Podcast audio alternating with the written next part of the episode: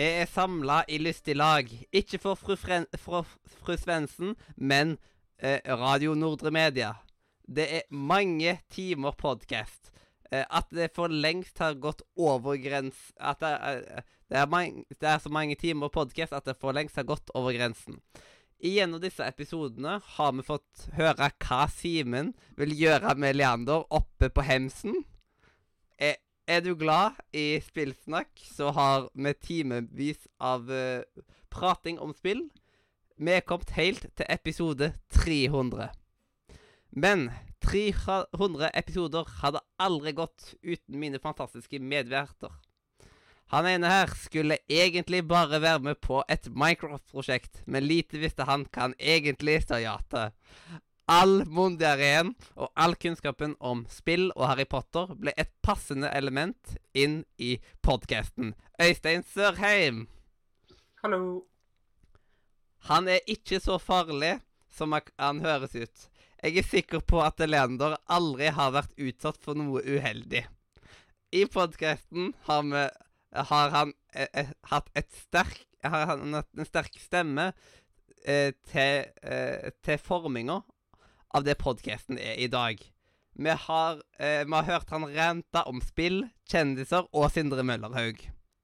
Han har aldri vært redd for å si sin mening, og han, og han kan han klare Han har klare visjoner på hvordan han vil at podkasten skal være. Han er som en rus som han ikke vil slutte med. Hva er vel bedre enn en kveld med Dumle, en kald cola og Simen Folkvord? Hjertelig. god kveld, god kveld. Velkommen til Radio Nordre. Media! Wow. Yes. Eh, mens noen tar en kjapp en i sofaen, så har vi 300 kjappe. Det var da navnet på dagens sending. 300 kjappe. Hvis dere Har, ikke du har jobba litt med den introen der. Det var, eh, var en episode 300 verdig, det der. Ja, jeg tenkte tenkte nå Nå må jeg bare Så det tok jeg og skrev mens jeg streama Arendalsuka. Ah, fantastisk. Yes. Du har jo truffet noen gode venner av deg òg. Du har jo vært på truffet nerdelandsdag og Ja. eh, Jeg kan jo gå litt mer inn på dette her, siden nå har vi jo en Vi har en spalte som heter Hva skjer? Og etter det har vært lange eh, perioder uten at vi har fått snakka om ting som ikke har vært i spesialer og sånt, så, så har vi mye på hjertet. Så jeg kan jo starte da med at eh, jeg var på Arendalsuka og hadde da en 60 timers arbeidsuke, siden jeg tok og streama fra UiA-teltet. Og så når jeg allerede var på Arendalsuka, så fikk jeg med meg at å, nerdelandslaget de har, skal jo ha en stand eller en greie på Arendalsuka. Kan jo bare ta og poppe innom der og si hei. Eh, Seb eh, Sebastian han huska meg, han, så det var jo koselig. Han gjorde det. Ja. Konge. Ja, det er jo, men jeg må si det at det er liksom sånn Når jeg, når jeg tenker Arendalsuka, så tenker jeg liksom så mye maktpersoner. da, Og ja, skal vi kalle det litt sånn, litt sånn leirskole for, eh, for norsk eh, media. Eh, så liksom, Jeg hadde ikke sett for meg at nerdelandslaget skulle ha en stand der. Det er ganske Ja, langt unna det eh, typiske nerdelandslagsstedet. Så at du kan, liksom treffe dine helter der, det er jo dødskult. Og at Seb husker deg i tillegg, det, det er jo kjempepluss. Yes, det, eh, og Andreas husker meg jo, men jeg visste at han skulle huske meg pga. at vi har snakka en del opp igjennom. Eh, og jeg tror Ja, han ble dritlei av meg når jeg var artistkontakten deres. Så da, da liksom Da var det nesten bare dumt å huske meg. Men det er jo ikke bare det at de hadde et Det var jo basically et leieshow, dette her. Det var ikke så langt unna sånn som de hadde når de var i Kristiansand. Så det var som en podkast, bare at den ikke ble tatt opp. Så de hadde liksom Ja. Hype, hype, hype-spalter, som er en sånn eksklusiv live-spalte. Der man hyper seg over spilltrailere. Eh, og så Oh, nice. tok Hørtes ut som en spalte til mitt hjerte. ja, så hadde de jo diverse eh, konkurranser. Der eh, de, Den typiske lydplanken hadde de jo. Og så hadde de de ko altså- Kojima-koden. Så, så dårlig på den lydplanken. Jeg er så dårlig der. Ja, det jeg, jeg, jeg tar noen av de, og det er jeg veldig fornøyd med. Og de pleide Simen å få høre. Og så nå, nå, har de med, nå har de kommet tilbake til Bit for bit da, på Neidagsdagen. Ja. Ja. Og når det er, når det er trepoengsoppgaver jeg, jeg, altså For meg det kan være hva som helst i hele verden på tre poeng. Jeg er altså så Jeg var, det var én jeg tok liksom på tre poeng, som jeg var så sykt fornøyd med at jeg tok. Så det var liksom bare sånn eh, ah, Jeg husker ikke hva, om det, hva det var, om det var eh, Jackbox eller hva. Det var en av de som jeg, en av de tingene jeg har spilt en del, i alle fall. da. Det er veldig irriterende når du øh, garantert hører hva det er, men så husker du ikke hva det er. Yes. Jeg har skjedd altfor ofte. At jeg bare jeg, jeg har hørt dette soundtracket, men hvor er det fra? Og så tok jeg jo og fikk være med på en av konkurransene sjøl. Og Ja, det var jo høydepunktet. da. Ja, eh, denne her vant, eh, og så vant det merch fra liksom et av mine, en av mine favorittspillserier. Ja, siden eh, jeg fikk da være med på 20 Quest Steps, som er deres variant av 20 spørsmål. Og da eh, tok jeg Ratchet Clank Rift Apart på spørsmål nummer sju. Og jeg var på bra, lag med Ida. Og det var liksom Alt under ti er jo kjempe, kjempebra, syns jeg. Sebastian og, han, eh, og lagkameratene hans, eh, de var liksom De ti- tippa Crash Bandicut, men jeg tenkte hele tiden Ratchet Clank.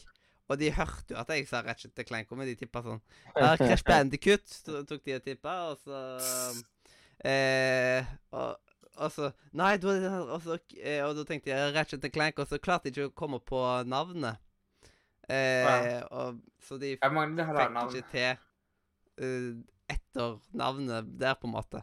Og da var det liksom bare Jeg holdt på å sprekke og bare La meg få si, la meg få si, og så bare Rift apart. Men var du sikker på at det var Rift Apart og ikke, ikke et av de gamle? Jeg hadde det på følelsen, og samtidig så var et av spørsmålene at det var Det var nyere enn så og så. Ja, Å, ja, ja, da er det greit. Hvis du visste at, hvis du visste at det var sånn ca. PS5-spill, så, så var det jo rimelig greit. da. Ja. Vi har jo så mye rare navn. ja for det var fall etter 2010, hadde jeg funnet av. Så det liksom Ja. Da fikk jeg Da har det veldig fortsatt Da er vel- alternativer. Og da er det vel bare tre, tre spill det kan være, og sannsynligheten for at det var liksom det fra 2013 var jo liten. da. Jepp. Ja. Eh, så Og det var jo gøy å være på lag med Ida når jeg har fått møtt henne òg. Så det, Ja, ja. Det. eh, det er jo kjekt å ha fått møtt de fleste i laget. Hvem er det jeg ikke har fått møtt i laget? Er det vel Er det kun eh, Hasse? Stian? Hasse har jeg møtt, for han var en av de som eh, jeg var artistkontakt for når de var i Kristiansand. Ja. Da er det vel bare Camelicious og Stian, da. Ja, og Eller Camilla har jeg jo Hun var jo med på den på nederlandslag-greia. For hun er jo Ja, da er det bare manageren deres.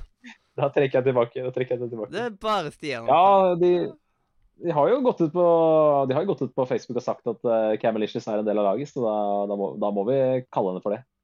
Ja. Så Jeg syns det, det er så jævlig bra at uh, vi kaller navnet der. Camelicious. Jeg synes det Jeg ler hver gang jeg tenker på det. mm. Eh, eh, Men det jeg fikk da, det var et sånt bærenett med Horizon på. Og så i tillegg så fikk jeg en, Yeah! Eiløy! Ei løy, ei løy, ei og så fikk jeg en eh, Horizon skrivebok. Ja. Så Da vet du hva du må spille next. Yes. Og Nerdelandslaget prater om nettopp det spillet der på ukas episode. Da veit du det. Mm.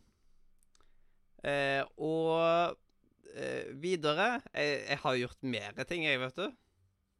Eh, Ah. Jeg kan bare nevne fort i forbifarten at jeg har begynt å rewatche en serie som heter Superstore. Jeg trenger ikke, å Ja, gå så veldig, den der der, ja. trenger ikke å gå så veldig langt inn på den. Eh, Netflix, eller? Ja, det er på Netflix. Og så tok jeg eh, for første gang i mitt liv og vant en sånn gedigen eh, eh, greie. eh, sånn. Eh, så det var en, en to kilos eh, godt og blanda bag Oi. eh, fra Dyreparken, så det er jo nice. Første gang jeg har liksom vunnet noe stort. Jeg skulle ønske eller at det var en stor sjokoladeplate eller noe sånt. Hvordan fikk du dette? da? Eh, med mye lobbyvirksomhet og sånt. Siden det var da eh, konkurranse mell mellom alle avdelingene i Dyreparken. Ja. Og da fikk jeg avdelinga mi til å vinne. Jeg, jeg, jeg får veldig stort konkurranseinstinkt til tider, så det er liksom Da gjør jeg mitt. Det er det skulle gjort, da. Mm? Uh, nei, jeg var jo veldig glad i godt og blandet i barndommen, jeg, så det, jeg kunne godt tatt imot eh, to kilo med det. jeg. Yes. Uh, jeg kommer til å bruke evigheter på å spise det opp. Jeg har liksom spist to poser av Ikke sant? 12-13 poser, eller hva det er. Det er en del periode hadde en periode jeg alltid kjøpte godt og blandet når jeg var på kino. Var- Og eh, grunnen til at jeg fikk en veldig lang arbeidsuke, var fordi studiestart og Arendalsuka var i samme. Så jeg tok jo først og filma i, i, Kristiansand. Eh, må, du måtte dra med meg kamera til Grimstad, pakke det opp der, filma det igjen. Og dette var filming på storskjerm og alt mulig sånt òg, så da man Da måtte man være på. Måtte man ikke dreit seg ut foran alle som satt der. Og så var det egentlig bare videre, så da la jeg, lot jeg utstyret ligge igjen. Så tok de andre det med seg til Kristiansand, og jeg dro videre til Arendal for å gå, ta over streaminga i Arendalsuka. Så den dagen så starta jeg på jobb klokka sju og var hjemme halv ett på natta. Og på den bussturen så skjedde det òg en del ting. Oi. Eh, fordi da var det noe som slåss i Arendal sentrum. Oi, Så tok jeg inn på bussen som jeg satt på. Og så tok vi og kjørte en liten stund sånn eh, til Hisøy. De som er lokalkjent, de skjønner hvor dette her er. Mens de som ikke er lokalkjent Ja, nå vet, eh, nå vet eh, dere østlendinger hvordan vi har det. eh, rett og slett. Eh, Men eh, et, eh, da, var, da ble vi stoppa av politiet, og så ble de tatt av bussen. Så kjørte vi litt videre, og så begynte det å lukte svidd. Og da var det en eller annen bilulykke rett bak oss. Ja, ikke sant. Typisk. Så den bussen der var jo egentlig veldig bak skjema, men de klarte å hente seg inn sykt mye. og Jeg skjønner ikke hvordan det kan. Ja. Eh, og så i tillegg, da eh, Siden eh, Dyreparken, det er jo bare eh, sesongjobb. Og da tok jeg eh, Men heldigvis, da, så fikk jeg en eh, deltidsjobb, som at jeg jobber annenhver eh, Annenhver lørdag og annenhver tirsdagskveld på Coop Prix. Ja, det er bra. Eh, og eh, jeg fikk bakoversveis på intervjuet, for det var 260 søkere. Oi. Og ni til intervju. Og det var to stillinger. ja. Så det var bare holy. Plutselig så følte jeg liksom at uh, det å få jobb i Dyreparken bare var uh, blåbær. Det er liksom det var, litt Når man skulle ta og sammenligne de to. Og han andre som uh, fikk jobb, han var òg fra Dyreparken. Han altså leverer varene i Dyreparken. Så han har jo, jo sett veldig jevnt gjennom hele okay. sommeren. Så det var veldig komisk. Og Ja, det er litt spesielt. Rett etter Vi har hatt noen få skift, eh, og så plutselig en dag så, eh, så jeg, jeg tok et ekstra skift, og så han jeg skulle jobbe med, han hadde blitt sjuk. Eh, og da endte det opp med at vi to nye var, var alene på et kveldsskift. Så liksom eh, Det var liksom Knoll og Tott som skulle stenge. Så det Eh, det var bare sånn Ja, hvordan gjør vi dette her? Hvordan gjør vi dette her? Men vi lærte jo sykt mye på dette. her. Det var helt for jævlig, men det, det gikk fint. Nice. Så da Da kan vi jo gå videre til Glatyboy. Hva er det som skjer hos deg? Nå har det vært en lang sommer, da. Så da har vi fått Ja, det har vært lang sommer, så det har jo vært etere, og etter det så har jeg jo fått Jeg har fått gama litt, da. Det er jo det, det, det, det, jeg liker å gjøre, Mhm. holdt jeg på å si. Ehm, ja, det er rart, det. der. At når man, eh, når man har egne podcaster om etere, så liker man game. Det er rart, det der. Yes. Takk Nei, men, til eh, forresten for, for gratulasjonen på 300 episoder. Ja, det er, det er kos. Det er kos. Det er Jeg trodde du Ja, men, likte å eh, se på etere av at du likte å se på folk som snakka. Du bare brydde deg ikke egentlig hva de snakka om. Nei, ikke sant. Nå, er, jo, nå er det jo Fra etere så er det Gamescom denne uka her, så nå Øystein har jo anbefalt uh, gårsdagens streams, så da må vi jo Ja. sjekke ut det. Mye kult. Jeg tror jeg må sjekke ut det. Når du sier at det er verdt å se, så tror jeg jeg må se det. Jeg har ikke tatt å sjekke det ut ennå. Det viktigste var å sjekke ut Hogwarts-legget sitt traileren. Ja, ja. Det kommer til vel OK, vi starter med Vi kommer tilbake til det. Eh, Vi starter med et spørsmål som jeg har til dere. Eh, Når var forrige gang dere spiste gelé? Det husker jeg ikke. En gang i fjor, kanskje. Um, Mathias? Veldig, veldig lenge siden. Det er nok noen år siden. Det, er litt sånn eh, Det er litt sånn når man eh, hjernen tenker på mye rart. Liksom. Plutselig så bare kommer jeg til å tenke på gelé. Det har jeg ikke spist siden jeg var barn. Så det har jeg ikke spist på 17-18 år. Og så begynte jeg å lure på det. Er det noe voksne spiser? Finnes det voksne mennesker som spiser gelé? På jevnlig basis, liksom? Nei, Jeg spiser heller sjokoladepudding. men det er bedre. Jeg, syns Ja, ikke gelé smaker godt. Ja, Nei, det, det er så rar Ja, det er det jævlig rar konsistens. Men så tenker jeg, tenker jeg på at liksom, en typisk barneting er jo is. Jeg har ikke slutta å spise is. Så jeg, jeg syns det er litt rart at uh, jeg bare slutta å spise det. Men, uh, Forskjellen er at Men det er sånn, uh, det, det er jo det ting man spiser i barndommen som man egentlig klarer seg uten, tenker jeg. Og gelé er en sånn type ting. Som det er sånn Det er jo litt gøy å spise det, men det er kanskje veldig, som, det er veldig barnevennlig med alle de fargene og Det er jo det som handler mora med gelé. At, Ja, og så er det morsomt at de det ja. øh, liksom. Ja, akkurat det. Det er veldig sånn Ja, jeg, jeg skjønner at det har vært appell i bursdag. Men jeg, jeg er nok litt mer glad i den deg, da, Øystein. Jeg hadde kost meg med hvis jeg hadde spist den. Men, eh, men jeg, eh, nei, jeg lurer på om det finnes folk som er så glad i gelé at de lager det liksom årlig. Det, for å spise det i voksen alder. I familien min så er det liksom i Um, nyere tid så de få gangene sin lillebror min er en av de, de få som spiser gelé i familien. Og da kjøper de bare en Han, han er voksen. Ja, men det er det jeg mener. Altså, det, jeg, Ja, han er det voksen. Det, jeg, ja, han er voksen, greit. Så han spiser gelé. Da veit jeg det. Men- men jeg jeg, tenkte på- Jeg, tenkte, jeg, har også, jeg har spist også den der pianoen i voksen alder, men da tenker jeg på å lage det til seg sjøl. det, er det, det var det jeg tenkte på. Jeg har også spist den pianoen i voksen alder. Eh, jeg kjenner liksom en gjeng, eh, fordi jeg gikk på folkehøyskole. eh, da var det en klasse som feira alle bursdagene i klassen med gelé. Og det var, så det var tydeligvis veldig mange i den klassen da, som var veldig glad i gelé. Da var gjennomsnittsalderen over 20, så det er jo tydeligvis noen. Ja, Det går an, da. ja, det var en også i den klassen. Han likte gelé. Så han, han fikk gelé minst sånn en gang i måneden. Kanskje to-tre ganger Ja, okay. i måneden. Allikevel Ja, så tok han noen søndager og spiste gelé allikevel. Så i tillegg til alle bursdagsfeiringene Så ha- han, han øh, tror jeg er 23. Så menneske. Ja. Så, så det fått svar på spørsmålet mitt. Ja. gelé. Ja, da kan du bekrefte at det finnes voksne folk. Da. Det er fantastisk. Da, da Ja. vet jeg det. Ja, men Det var bra. Det var gøy. Men jeg fikk også bekrefta at ingen av dere spiser gelé så jevnlig lenger. og det er Jeg et tegn på tror det er eh, at smaken ja. forandrer seg for veldig mange Ja, men det er sant. Det er, du vet akkurat som vi fant eksotikk. Ja, det er faktisk et jævlig godt poeng. Har jeg sagt til deg det før, eller? Ja, at det er sånn babybrus, eller hva han har sagt. Ja, den, Har jeg sagt det før? den drikker jeg helt, ja. det, det liksom Jeg er så lei av den smaken, liksom. Det Ja, Men det er fortsatt min favorittbrus å få tak i Norge. Jeg, Er det det? Kødder du? Sist gang jeg drakk Fanta Exotic, var i dag. Er det seriøst? Da er det, jeg, jeg og Mathias er 100% enige om at det er babybrus, og du eh, har det som favorittbrus. Mens Fanta, men mens Fanta Lemon er den beste Fantaen. Fanta Strawberry er den beste Fantaen.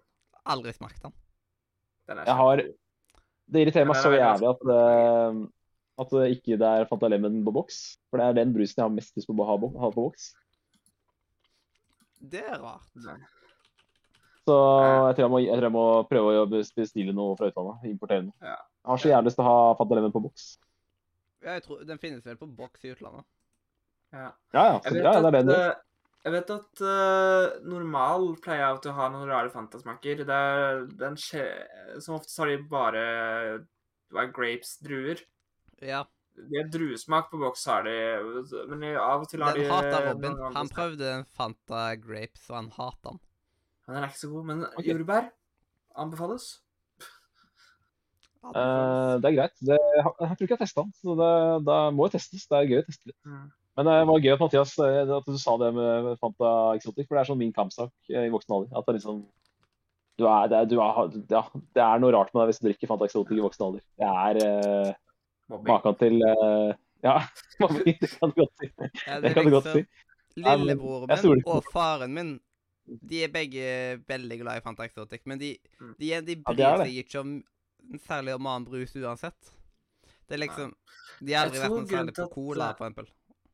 Jeg er aldri særlig på cola. Jeg syns cola er greit, men eh, jeg foretrekker ikke Nå jeg tror får vite av de darke hemmelighetene her, altså. Men jeg er jo Men Jeg det er jo cola, kanskje det Oil of shame med brus. Det spørs litt på uh, liksom hva som er tilgjengelig. Uh, men jeg kan, altså, jeg kan drikke cola, det er ikke det. det men uh, jeg foretrekker Jeg vet ikke hva det er med Fanta Exotic. Jeg bare liker den. Jeg tror mitt, Ja, problem, eh, jeg tror mitt problem er for eksempel vanlig Fantan. Grunnen til at Mm. jeg ikke den, jeg foretrekker Solo i Norge framfor Fantaen i Norge. Jeg er helt enig. Eh, fordi at eh, jeg syns den har sånn rar sånn kålsyresmak, og jeg vet ikke helt hva det er med Fantaen i Norge, men den smaker annerledes enn i alle andre land. Ja, ok. Eh, ja det, stemmer nok. Det stemmer nok. i Hellas så har de liksom en sånn Nei, jeg vet ikke hva det er med Der, der jeg alltid Fantaen god. Og så har jeg av og til Mm. sånn Jeg har drukket sånn en annen appelsinbrus som jeg ikke husker navnet på, som er sånn Fanta Som på en måte er Fanta, men den er øh, eksklusiv i Hellas. Den heter et eller annet, Ah. den har rare tegn, jeg husker ikke hva den heter. Men øh, den er veldig god. Eh, jeg var i Kroatia i sommer. Da hadde de en brus som heter Pippi, og den var veldig god. Den, Appelsinbrus det òg, eller? Ja, det er også appelsinbrus. Jeg er veldig glad i appelsinbrus. Men jeg er ikke så glad i det i Norge, med mindre det er Solo, fordi at Vantan Fantaen i Norge er ikke så god. Nei. Um... Nei, men det er litt sånn eh, Det er litt rart, fordi Mathias er- var helt enig med meg om at Fanta Exotic er for barn, mens du er 100 uenig. Så der har vi Ja. tre stykker med veldig forskjellige meninger om akkurat den er Men, eh, men det er litt rart, fordi jeg, har jo, jeg er ikke noe glad i Fanta Exotic, men den, og den er jo veldig søt. Men en annen brus som er veldig søt, er jo Urge. Jeg elsker Urge, så det er litt rart. Men Urge også er god. Jeg liker også Urge. Greit. Um, da må jeg bare uh, si at um, Jeg skal skrevet opp noen ting her. Jeg tror jeg skal spare det til uh, Nise. Mm. Ja, nei, men da kan vi starte med Stray, da. Det er Øystein, du har vel runda det, har du ikke det? Ja, så Runa Stray Jeg regner at du også har Ja, gjort du, det? du har runda det. Jeg har ikke runda det. Jeg sier at du har Hæ? runda det. Hvordan har du ikke rocka å runde det? Nei, fordi jeg har spilt mye annet nå. Ja, jeg starta det, og spilte et par timer. Og så har jeg spilt et andre ting etterpå. Men uh, går det for platinum på Stray? På Stray? Uh, ikke for øyeblikket, men jeg har planlagt å prøve. Det er Ja. noen achievement der som bare høres litt slitsomme ut. Blant annet å runde spillet på to timer. Ikke sant? Nei, men uh, eh. Stray det er jo det der kattespillet som vi fikk se eh, sommeren 2020. Uh, samme dag som vi fikk uh, verdens, verdenspremieren på PS5. eh, annonseringen på eh, Hogwarts Legacy.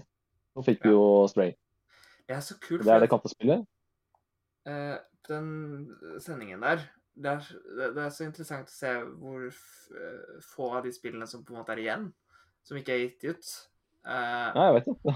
Jeg tenkte litt på det samme når kommet nå. så, Da er det vel bare Hogwarts Legacy og Final Fantasy igjen, er det ikke det? eh, nei, det er også Pragmata, heter det. Det er. Ja, altså det der, ikke minst det der, um, Uh, uh, det der som kommer til høsten. Det der som er utsatt. Oppe. Jeg vet ikke om du husker Pragm uh, Pragmata? uh, fordi Nei, det husker jeg ikke. det er, Husker du den der Det var en trailer, en veldig kul trailer, av en sånn jente, veldig liten jente, som sto i en by. Eh, og så kom det, og så plutselig reiste de i verdensrommet, og det var mye rart. Jeg husker ikke alt der. Men uh, jeg husker jo jeg husker mye, da. Og, men det er gøy, jeg er litt enig med deg at det er gøy å se hvor de spillene er i dag. Uh, nå er det bare Hogwarts Legacy igjen, som jeg virkelig gleder meg til. Selv om Fine Fantasy også kommer til å bli jeg tror det blir knallbra. Det blir Eh, så jeg er spent på det der eh, veldig, Jeg er veldig spent på det der, eh, det der spillet som eh, Som jeg ikke husker hva heter. Faen, det var litt siden jeg husker det nå. Nei, men uh, Stray, da. Det er ikke åpen verden, for de som lurer på det. Det er et kattespill. Du hopper ut som en katt. Eh, veldig viktig å presisere her at det er eh, ikke Du trykker ikke på X for å hoppe.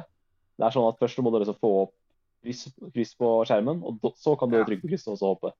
Det er litt Eh, men ja, det er litt slitsomt av og til, det er jeg enig i. Men eh, når du får flytende spill her, så er det veldig deilig å styre den katten. Eh, det som jeg likte veldig godt med det spillet, det var at selv om verden er ganske liten, så er det ekstremt eh, vertikalt spill. Så eh, verden er mye større enn det føles som, fordi du kan eh, sprette opp på hustakene og komme deg veldig høyt. Så på en måte spillet er stort vertikalt og ikke horisontalt, hvis det er det det heter. Og når jeg klatrer og hopper rundt fra trebjelke til trebjelke på takene, så føler jeg meg litt som Sly Cooper. Så tenk Sly, tenk som, tenk Cooper, bare med en katt. Eh, og så, ja, så har det dukka opp litt forskjellige ting som gjør at jeg ikke har spilt noe mer enn den ene gangen, men, uh, men det er på lista. For å si det sånn. Men den grafikken også, det spillet ser så utrolig bra ut. Ja, det ser veldig bra ut. det er enig. Jeg likte, likte veldig godt looken på det. Nå har du spilt på PS5 i tillegg, så du har jo fått, uh, fått litt ekstra. Opp, du har fått et par, par pluss opp fra meg, tenker jeg. Det Ja, pluss at uh, den kontrollen også. Når, eh, for du kan jo Katten kan jo skrape, og så kan du også liksom uh, gå mot leggene til robotene. Det kjenner du i kontrollen. Det er kjempekult. Absolutt. Ja. Uh, ikke at jeg har kjent på det, men det, det Men, men Stray var Det er litt sånn det var Stray, Stray var et spill som kunne gå begge veier, men det virker som alle som gleder seg til det spillet, har liksom, er fornøyd, da. Det, det var kult. Ja, altså personlig så ligger litt sånn Jeg syns det, var- det var en bra opplevelse, men jeg, jeg Mm. tror hvis jeg skulle gitt en skala fra 1 til 10, så ligger det mellom 6 og 7. Ja, ja, men det er jo seks av ti. Det må- Man må ha plass til noen seks av ti-spill i livet sitt også. Mm. Og så likte jeg at det ikke var for langt. At det er et sånt deilig at det kunne komme et fem-seks timers spill til, eh, til Ja. PS4, PS4, PS5 også. Ja. Ikke alle spill trenger å ha 100 timers uh, med Nei, det er jeg 100 enig i. Ja. Um, 1 for hver time.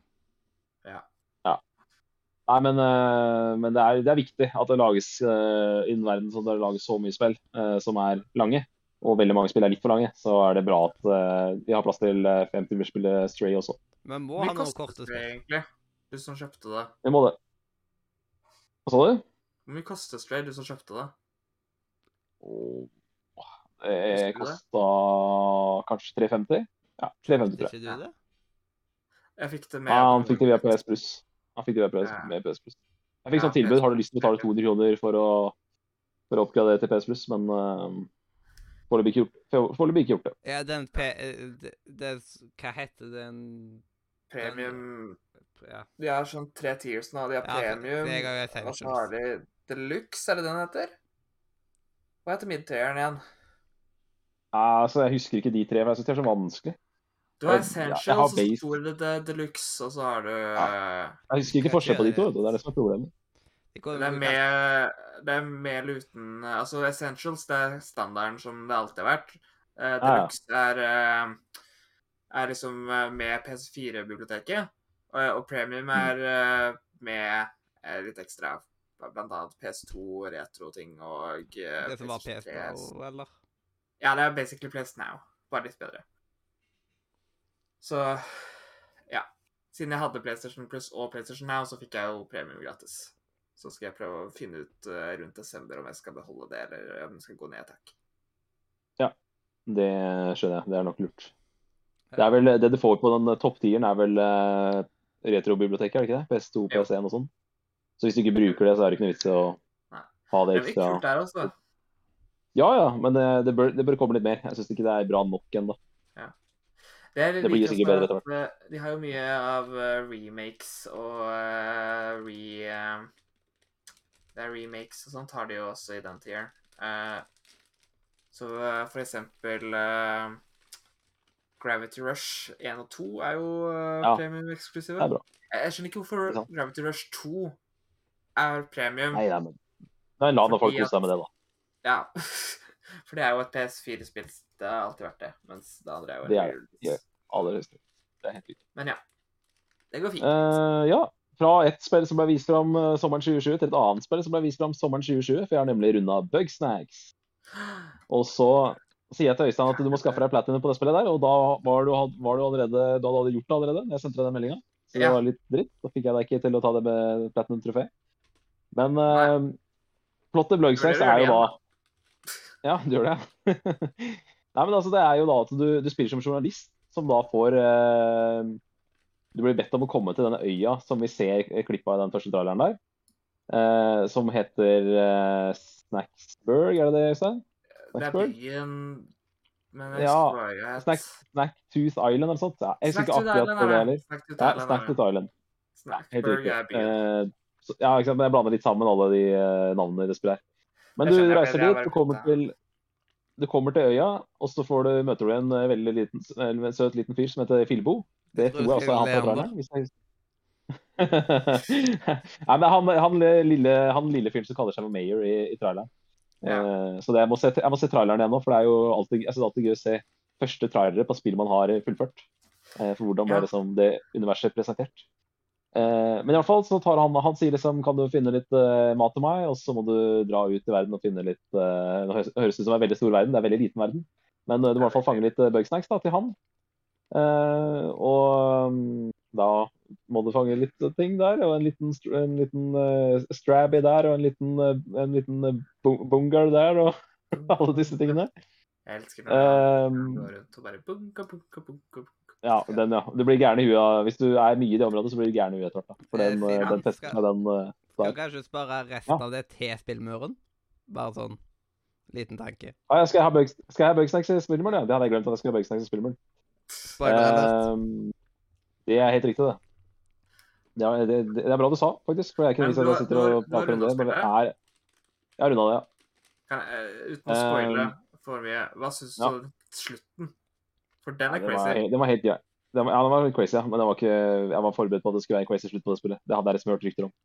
Ja. og jeg, jeg, Um, jeg spilte det på launch, jeg visste jo ingenting. Jeg ble helt forvirra. Ja, nei, men Greit, eh, Mathias. Veldig bra at du sa fra om det, for det hadde jeg glemt. Jeg har skrevet opp på det jeg har spilt det. Men uh, bare lyst til å si det, så jeg ikke glemmer det etterpå. Det er at eh, eh, på, når, jeg får, når jeg fikk rulletekst på spillet, så var det så jævlig gøy, for det står jo alle stemmeskuespillerne med. Og så er det noen stemmeskuespillere som har, har sånn to bugsnack. Det er det eneste de har gjort i spillet. Det er å putte Og hver bugsnack har vi sånn én linje. Så det er sånn basically bare to linjer med bung, som Øystein sa. Sånn, Ja, eh, men det bunga, det bunga, bunga, bunga, bunga. det, det er jo det samme med Pokémon-animen. Uh, at det er jo voice Ja, actor det blir jo mye av det samme. Og det, Det blir jo mye av det samme. er liksom Det er. Men det var bra. Det er bra Mathias kom på det at jeg skulle legge til den i, i muren. Mm. Da hopper vi over Bugsnacks nå. Men jeg, men jeg kan si at jeg har runda det. Og ehm, jeg syns det spillet der har fått litt for lite oppmerksomhet. Synes det var, eh, altså, Av alt som har kommet til PS5, så syns jeg det er noe av det friskeste som har kommet Ja. ut. Så jeg, jeg er Bugsnacks-fan. Jeg syns spillet har for lang lastetid, og det er det store minuset med spillet. Ja, for det er det jeg har hørt med PS4-versjonen. Å ja, det, du slapp unna, altså? Nei, eh, fordi PS5-versjonen er liksom litt treg i forhold til PS5-standard. da. Så det er sånn, Den fins. Vi, vi har loading screens på PS5. Eh, den er liksom det man forventer fra gamle For PS4 hadde jo loading. Eh, men jeg har hørt at PS4-versjonen av Bugsnax er drittreg. At det tar veldig lang tid å loade fra hver gang. Og det, du loader ofte. Og så må vi huske på at dette er et lite spill, og det er, det, er på en måte ikke forsvarlig. Det er det som gjør det så ille. At dette er et Ja. lite spill som, som burde gått så mye fortere. Ja. Men uh, da er, da er dere advart på det. Folk er advart på det. Ja. Bugsnacks, det, det, den store minusen der er lastetidene. Resten av spillet syns jeg er veldig kult. Yes. Uh, Eh, Grim Fandango. Ja. Grim Fandango, Mathias. Det er jo en pek og klikk-klasser av dimensjoner. Klasser, faktisk. Klassiker av Ja. dimensjoner. mm. Og det spillet, det har jeg runda. Og det er litt artig, for Øystein har jo spilt Monkey Island 1 og 2 i år, har du ikke det? Det var i år du spilte de? Yes, og nå har jeg fått dratt til land eh, Grim Fandango. Og det er veldig rart å spille Grim Fandango, fordi der Monkey Island er eh, 2D, så er jo Grim Fandango Ja. eh, et slags 3D. Jeg vil ikke kalle det 3D, det er et slags 3D. Det, det, altså, det, s- det, det er på en måte første generasjons 3D, da. Eh, noe som gjør at Jeg, sto fast. eh, jeg sto fast både én og to og tre og ja. Jeg sto fast mange ganger der fordi jeg ikke skjønte hvor jeg kan gå videre. Øystein skal rette på meg. Da kan du rette på meg. Eh, jeg, jeg har spilt Monkey, både Monkey Island 1 og 2 før. Det var i året første gang jeg gadd å fullføre dem. Fordi jeg fikk en person ja, som riktig, guide. riktig, Men det det, Jeg kjenner meg igjen med det. eh, med, med pek og clickspill. Man begynner på de, og så um, får man ikke fullført de. Eh, jeg har jo hatt Grim Fandango som et sånt evighetsprosjekt, jeg også, men jeg dro det landet i år. Uh, gøy spill, men eh, den der tidlig 3D, den er litt eh, Ja, den er litt eh, Den er mer irriterende enn den er sjarmerende, for å si det sånn. Men uh, han eh, Det er en karakter der som heter eh, heter Glottis. og han, han, han minte meg litt om de, de der snacks, de karakterene fra Bugsnacks. De Grumpus-karakterene fra Bugsnacks. Så han ble jeg oppriktig glad i. Men, men ja, det er litt gøy. Jeg synes, altså, Det er litt rart med pek og klikk-spill, for det, dødd, det er jo en sjanger som har dødd helt ut. Men jeg syns det er gøy å liksom dra gjennom klassikerne. Eh, ja, Monkey Island 1, Monkey Island 2, Mm. Uh, Eh, nå har jeg lasta ned Day of the Tentacle, så jeg prøver å Å, det, det blir mitt neste prosjekt. Har du spilt det? Det har jeg spilt. Det, det Ah, var det som egentlig starta uh, For jeg og en kompis som spilte gjennom Monkey Island-spillene, uh, han sin uh, Han er veldig glad i Han elsker jo PK-spill. Uh, så det hele starta med at vi spilte eh, Day of the Tentacle. Eh, remaken. Eller remaster, jeg husker ikke hva det er. vel en remake. Ja, nei, det, det er jo remake remaster dritt i det. Det er jo, Ja. det er jo det er, jeg, jeg vil si det er remaster. Remaster vil jeg si. Men det er PS4, da. Ja. Ja, vi spilte den, eh, og det var jo veldig gøy. Jeg elsker humoren. Mitt eneste problem er jo at Pek og Trykke eventyrspill, spesielt fra den tida, er sånn Det gir jo ikke mening. Det er så vanskelig. Nei, nei, nei, nei. Ja. Det er helt umulig å skjønne de puzzlene. Det er jo akkurat Det det. liksom Så det er jo en del av sjarmen med spillet er jo at uh, puzzlene er helt umulig. Så, så ja. Nei, men det, det Jeg elsker eh, Monkey Island 1 og 2. Uh, Grim Fandango er nok et tak under der for meg, men eh, veldig sjarmerende karaktergalleri. Veldig kult plott også, med at du, du kommer til eh, eh, Du kommer til eh, dødsverden, eh, og så er det sånn eh, mellom eh, Altså, for å, for å komme videre det, til liksom det som er ditt evige hvilested, da, så må du liksom gjennom en reise. Og så, hvis du har levd, levd et dårlig liv, så tar reisen veldig lang tid. Hvis du har levd et, levd et veldig fint liv, så tar reisen veldig kort tid. Så da kan du bare sette deg rett på toget og kjøre rett gjennom. Men hvis du har vært slem i ditt opprinnelige liv, så må du gjennom en lang, lang reise. Så det er litt morsomt. Manny, Cavalera er jo også en herlig, herlig skrue. Eh, som da er eh, hovedpersonen, protagonisten i eh, Grim Fandango. Yes, Så hadde jeg et påskeprosjekt. og Da begynte jeg på Danganronpa. Dette japanske, Denne japanske visual novelen som jeg har fått anbefalt av ja, Jostein Hagstad. Har jo vært stor fan av det, i hvert fall. Han hadde det på sine Disse fem spillene bør du spille før du dør. Så de er jo sabla lange, de der japanske vision-novelene Så jeg bruk- starta på det i påsken og runda det i sommer, liksom. Så det blei ble jo en tre-fire måneder jeg brukte på det. Men eh, hvis du liker eh, krim, eh, krimeventyr eller mordmysterier, så er eh, Danganronpa en eh, skikkelig anbefaling. Hvis du liker Men eh, hele spillet Ja, akkurat det, Mathias. Du skjønte Du, du huska det. det er en visual novel. All, eh, all form for eh, dialog i spillet er tekstbasert.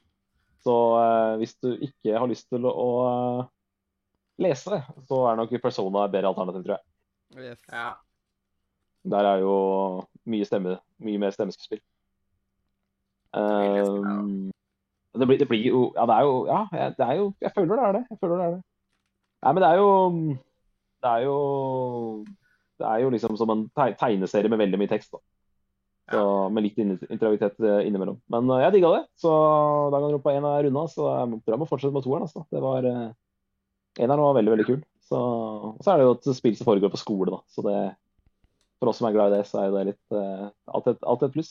Det er noen, noen som er, har en forskjellighet for spill for det som foregår på skole. Ja, Øystein? Ja, det er riktig, det. Um, så spiller Jack and Daxter. Det er jo et sånt eh, det er sånn, det er jo, Apropos Pile of Shame, så det er liksom sånn Den, den skammer jeg meg litt over. Den har jeg lyst til å runde. Jeg føler at jeg bør runde Jack and Dexter. Eneren, i hvert fall. Klassikeren. Uh, Ja, så hørte jeg på den derre eh, Sidequest til Hedman. Der hylla de jo styringa på Jack and Dexter så veldig. Jeg, jeg må si at jeg syns styringa på det spillet er utdatert. altså. Jeg synes uh, Sammenligna med Mario så syns jeg det er ganske tungt å, styre eh, Jack. ja. Men uh, ellers syns jeg spillet er et eh, dødskult plattformspill, og ehm, ja. Håper å en dag dra det land. Hmm. Det er litt gøy, fordi jeg også har spilt det litt i sommer. Det første Jack. Det er konge. Det, det, det, men jeg er veldig glad i den serien. Uh, for å se, jeg spilte mye på PlayStation 2. Og så jeg mener fortsatt at Daxter på PSP er det beste PSP-spillet. Ja, det tror jeg på. Det er også et spillhull for meg, men det er jo det er et spillhull fordi det kun kom til PSP. ikke sant? Det har vært vanskelig å tette det spillhullet. Men Det det. eh, jeg, håper jeg, jeg håper jeg får spilt Daxter en gang, for det husker jeg liksom at jeg hadde til å spille når PSP kom. Ja. De driver jo og får over eh, noen av disse PSP-spillene over til PS4 og PS5 nå, så eh, Jeg er klar over det. får håpe at de tar, eh, tar den eneste som er verdt å spille, da. Jeg er klar over det, veldig klar over det. Eh, nei, men så har jeg starta på, på et par sånne gamle Jeg har spilt en del gamle spill nå. Danganronpa er jo noen år gammel. Grim Fandango er kjempegammelt. Um, um, Jack and Daxter er jo veldig gammelt. Og jeg har også uh, starta på Mafia 2. Um, det er jo et spill fra 2010, tror jeg. Det er et sånt spill jeg aldri har fullført. Men jeg husker jeg hadde veldig mye med det når jeg spilte det. Og jeg spilte det, sommer, jeg spilte det sommeren 2011, så det er jo 11 år siden jeg spilte det. Så da tenkte jeg nå er det på tide med en sånn en kjøre gjennom det spillet på nytt igjen. Det er sånn det er sånn ti timers uh, storyfokusert uh, GTA-klone. Kanskje Så, jeg er veldig- Jeg fullførte aldri historien. Jeg Nei, altså Jeg er veldig glad i Mafia-serien. da. Eh, spesielt da Mafia 1 og Mafia 2. De spillene henger jo veldig fint sammen. og Eneren foregår før krigen, vel, og toeren foregår rett etter krigen. Eh, altså på 40-tallet. En av de Så kuleste mekanikkene i Mafia 2 er det liksom at politiet husker både bilen din og klærne dine hvis du har uh, gjort noe slemt. At de skal uh, Så hvis du f.eks. har blitt uh, jaktet på politiet, så er det ikke sånn som i GTA at du bare kan kjøre vekk. Du må faktisk også bytte klær. Ja, det er helt sant. jeg, liker, jeg liker veldig godt hvordan politiet fungerer i spillet. Det syns jeg, det synes jeg GTA Nå har GTA blitt bedre på det, men sånn, når, når, det, når de spillet kom ut, så var jo Mafia bedre på politiet. Politi-A-en var bedre enn GTA. Uh, men jeg kan si Ja, det, det er det som er litt gøy, at du bare kan bestikke politiet og sånn. Hvis du ikke har drept noen, så kan du bare betale, betale noen cash. Nei, men eh, det er gøy å spille igjen spill som man har spilt for eh, ti år siden. For da er det, liksom, det er gøy å se liksom, hva man syns om spillet i dag. Eh, og så spilte jeg jo Mafia 1 kom, fikk jo remake for et par år siden. Det var vel 2020. Så da har jeg liksom nettopp spilt Mafia 1, så det passer veldig bra å spille to her nå. Eh, men det jeg ikke var forberedt på, er jo at eh, det som er fordelen når spill kommer ut på nytt igjen For det er jo, spillet ble har jo blitt remastera. Det er jo et opp- opprinnelig PS3-spill. Eh, så fordelen med å kjøpe det nå, er jo at da får du det definitive edition. Da følger jo alle DLC-ene med, eh, med til spillet. Så eh, det, det jeg ikke var forberedt på, var at jeg fikk, eh, fikk med alle de scenene som jeg ikke spilte back in the day. Så nå får jeg plutselig nå har jeg masse, uspill, har jeg masse uspillbart content på Mafia 2. Så det er konge.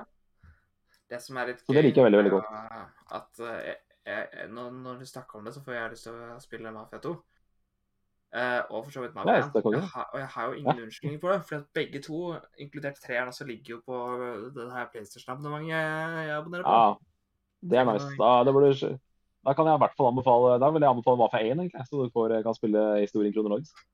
Da, tar jeg- da får vi starte på det. Jeg, jeg spilte Mafia 1 i 2020, koste meg enormt. Og det var da jeg fikk lyst til å spille toeren om igjen, fordi jeg digga eneren. Um, nei, men eh, Mafia 2, det jeg starta på, jeg tror jeg har kommet ca. halvveis i storyen nå. Så det er, eh, det er veldig gøy. eh, Veldig morsomt gjensyn. Og så det er et av få spill jeg har sett at det har, eh, har forskjellige årstider i spillene. Det er ikke så mange spill som, som du har snø og så har man ikke snø lenger. Det eneste andre spillet jeg kan huske å ha sett snø i i et kapittel, det er Bully. Ja. Bully har et julekapittel. Et, kapittel, et av kapitlene spillet er satt i juletida, altså desember. Eh, Det tror jeg er det eneste spillet jeg kan huske å ha sett snø i. Som det er ikke snø er liksom, i hele spillet. Da. Ja. ja, for det er som oftest eh, at de kanskje har et snøområde. Ja, det, det er jeg enig i. Altså for type Ja. Super Mario 64 og Uncharted 2 og sånn. Det, det, det, men det teller jeg ikke, for det er jo Nei, baner det som er satt i snøen. Liksom. Ikke sant? Ah, det var det jeg kom ikke- Eller Jeg kom eh, ikke på et bra eksempel. jeg, jeg føler sånn De har en bane. Jeg føler Telmioa har eh, snø. Jeg mener jeg har sett snø Ja, i det det- til ja. Men det blir jo veldig lite spill igjen, da. Ja. Pluss at det, det er vel mer den der at du har en sånn weather Altså at det er samme by, bare med Altså samme plass. Det er snø sommer, liksom. Det er det du tenker på der, da. Ja. Det er mange spill som både har snø og ikke-snøområder, men uh, Ja, ja. Du, skjønte, du skjønte hva jeg mente, du. Det var jo det er riktig, det. Men uh, ja, Life is Strange 2 altså- også har jo, har jo, um, har jo snø. Men, men uh, Life is Strange 2 Ja, er jo spill som foregår år etter år. Så det er jo, der er jo lagt opp til at det går et par måneder mellom hver, mellom Mm. hver episode. liksom. Uh, Øystein, du er gira på å prate nå, så jeg tror jeg, jeg tror jeg skal gi deg ordet. Så skal jeg få stafettpinnen tilbake etterpå. Jeg må bare si ett spill til før jeg gir stafettpinnen videre. Det er Yakuza Kiwami. Uh, Yakuza-serien er jo en serie som jeg har begynt på nå, uh, og har blitt veldig glad i. Og har lyst til å spille gjennom hele greia. Uh, det starta med at jeg spilte Judgment, den der spin-offen, i 2020. Og så spilte jeg prequelen, Yakuza Zero, i fjor.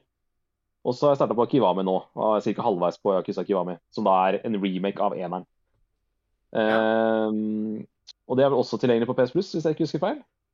Det tror jeg også.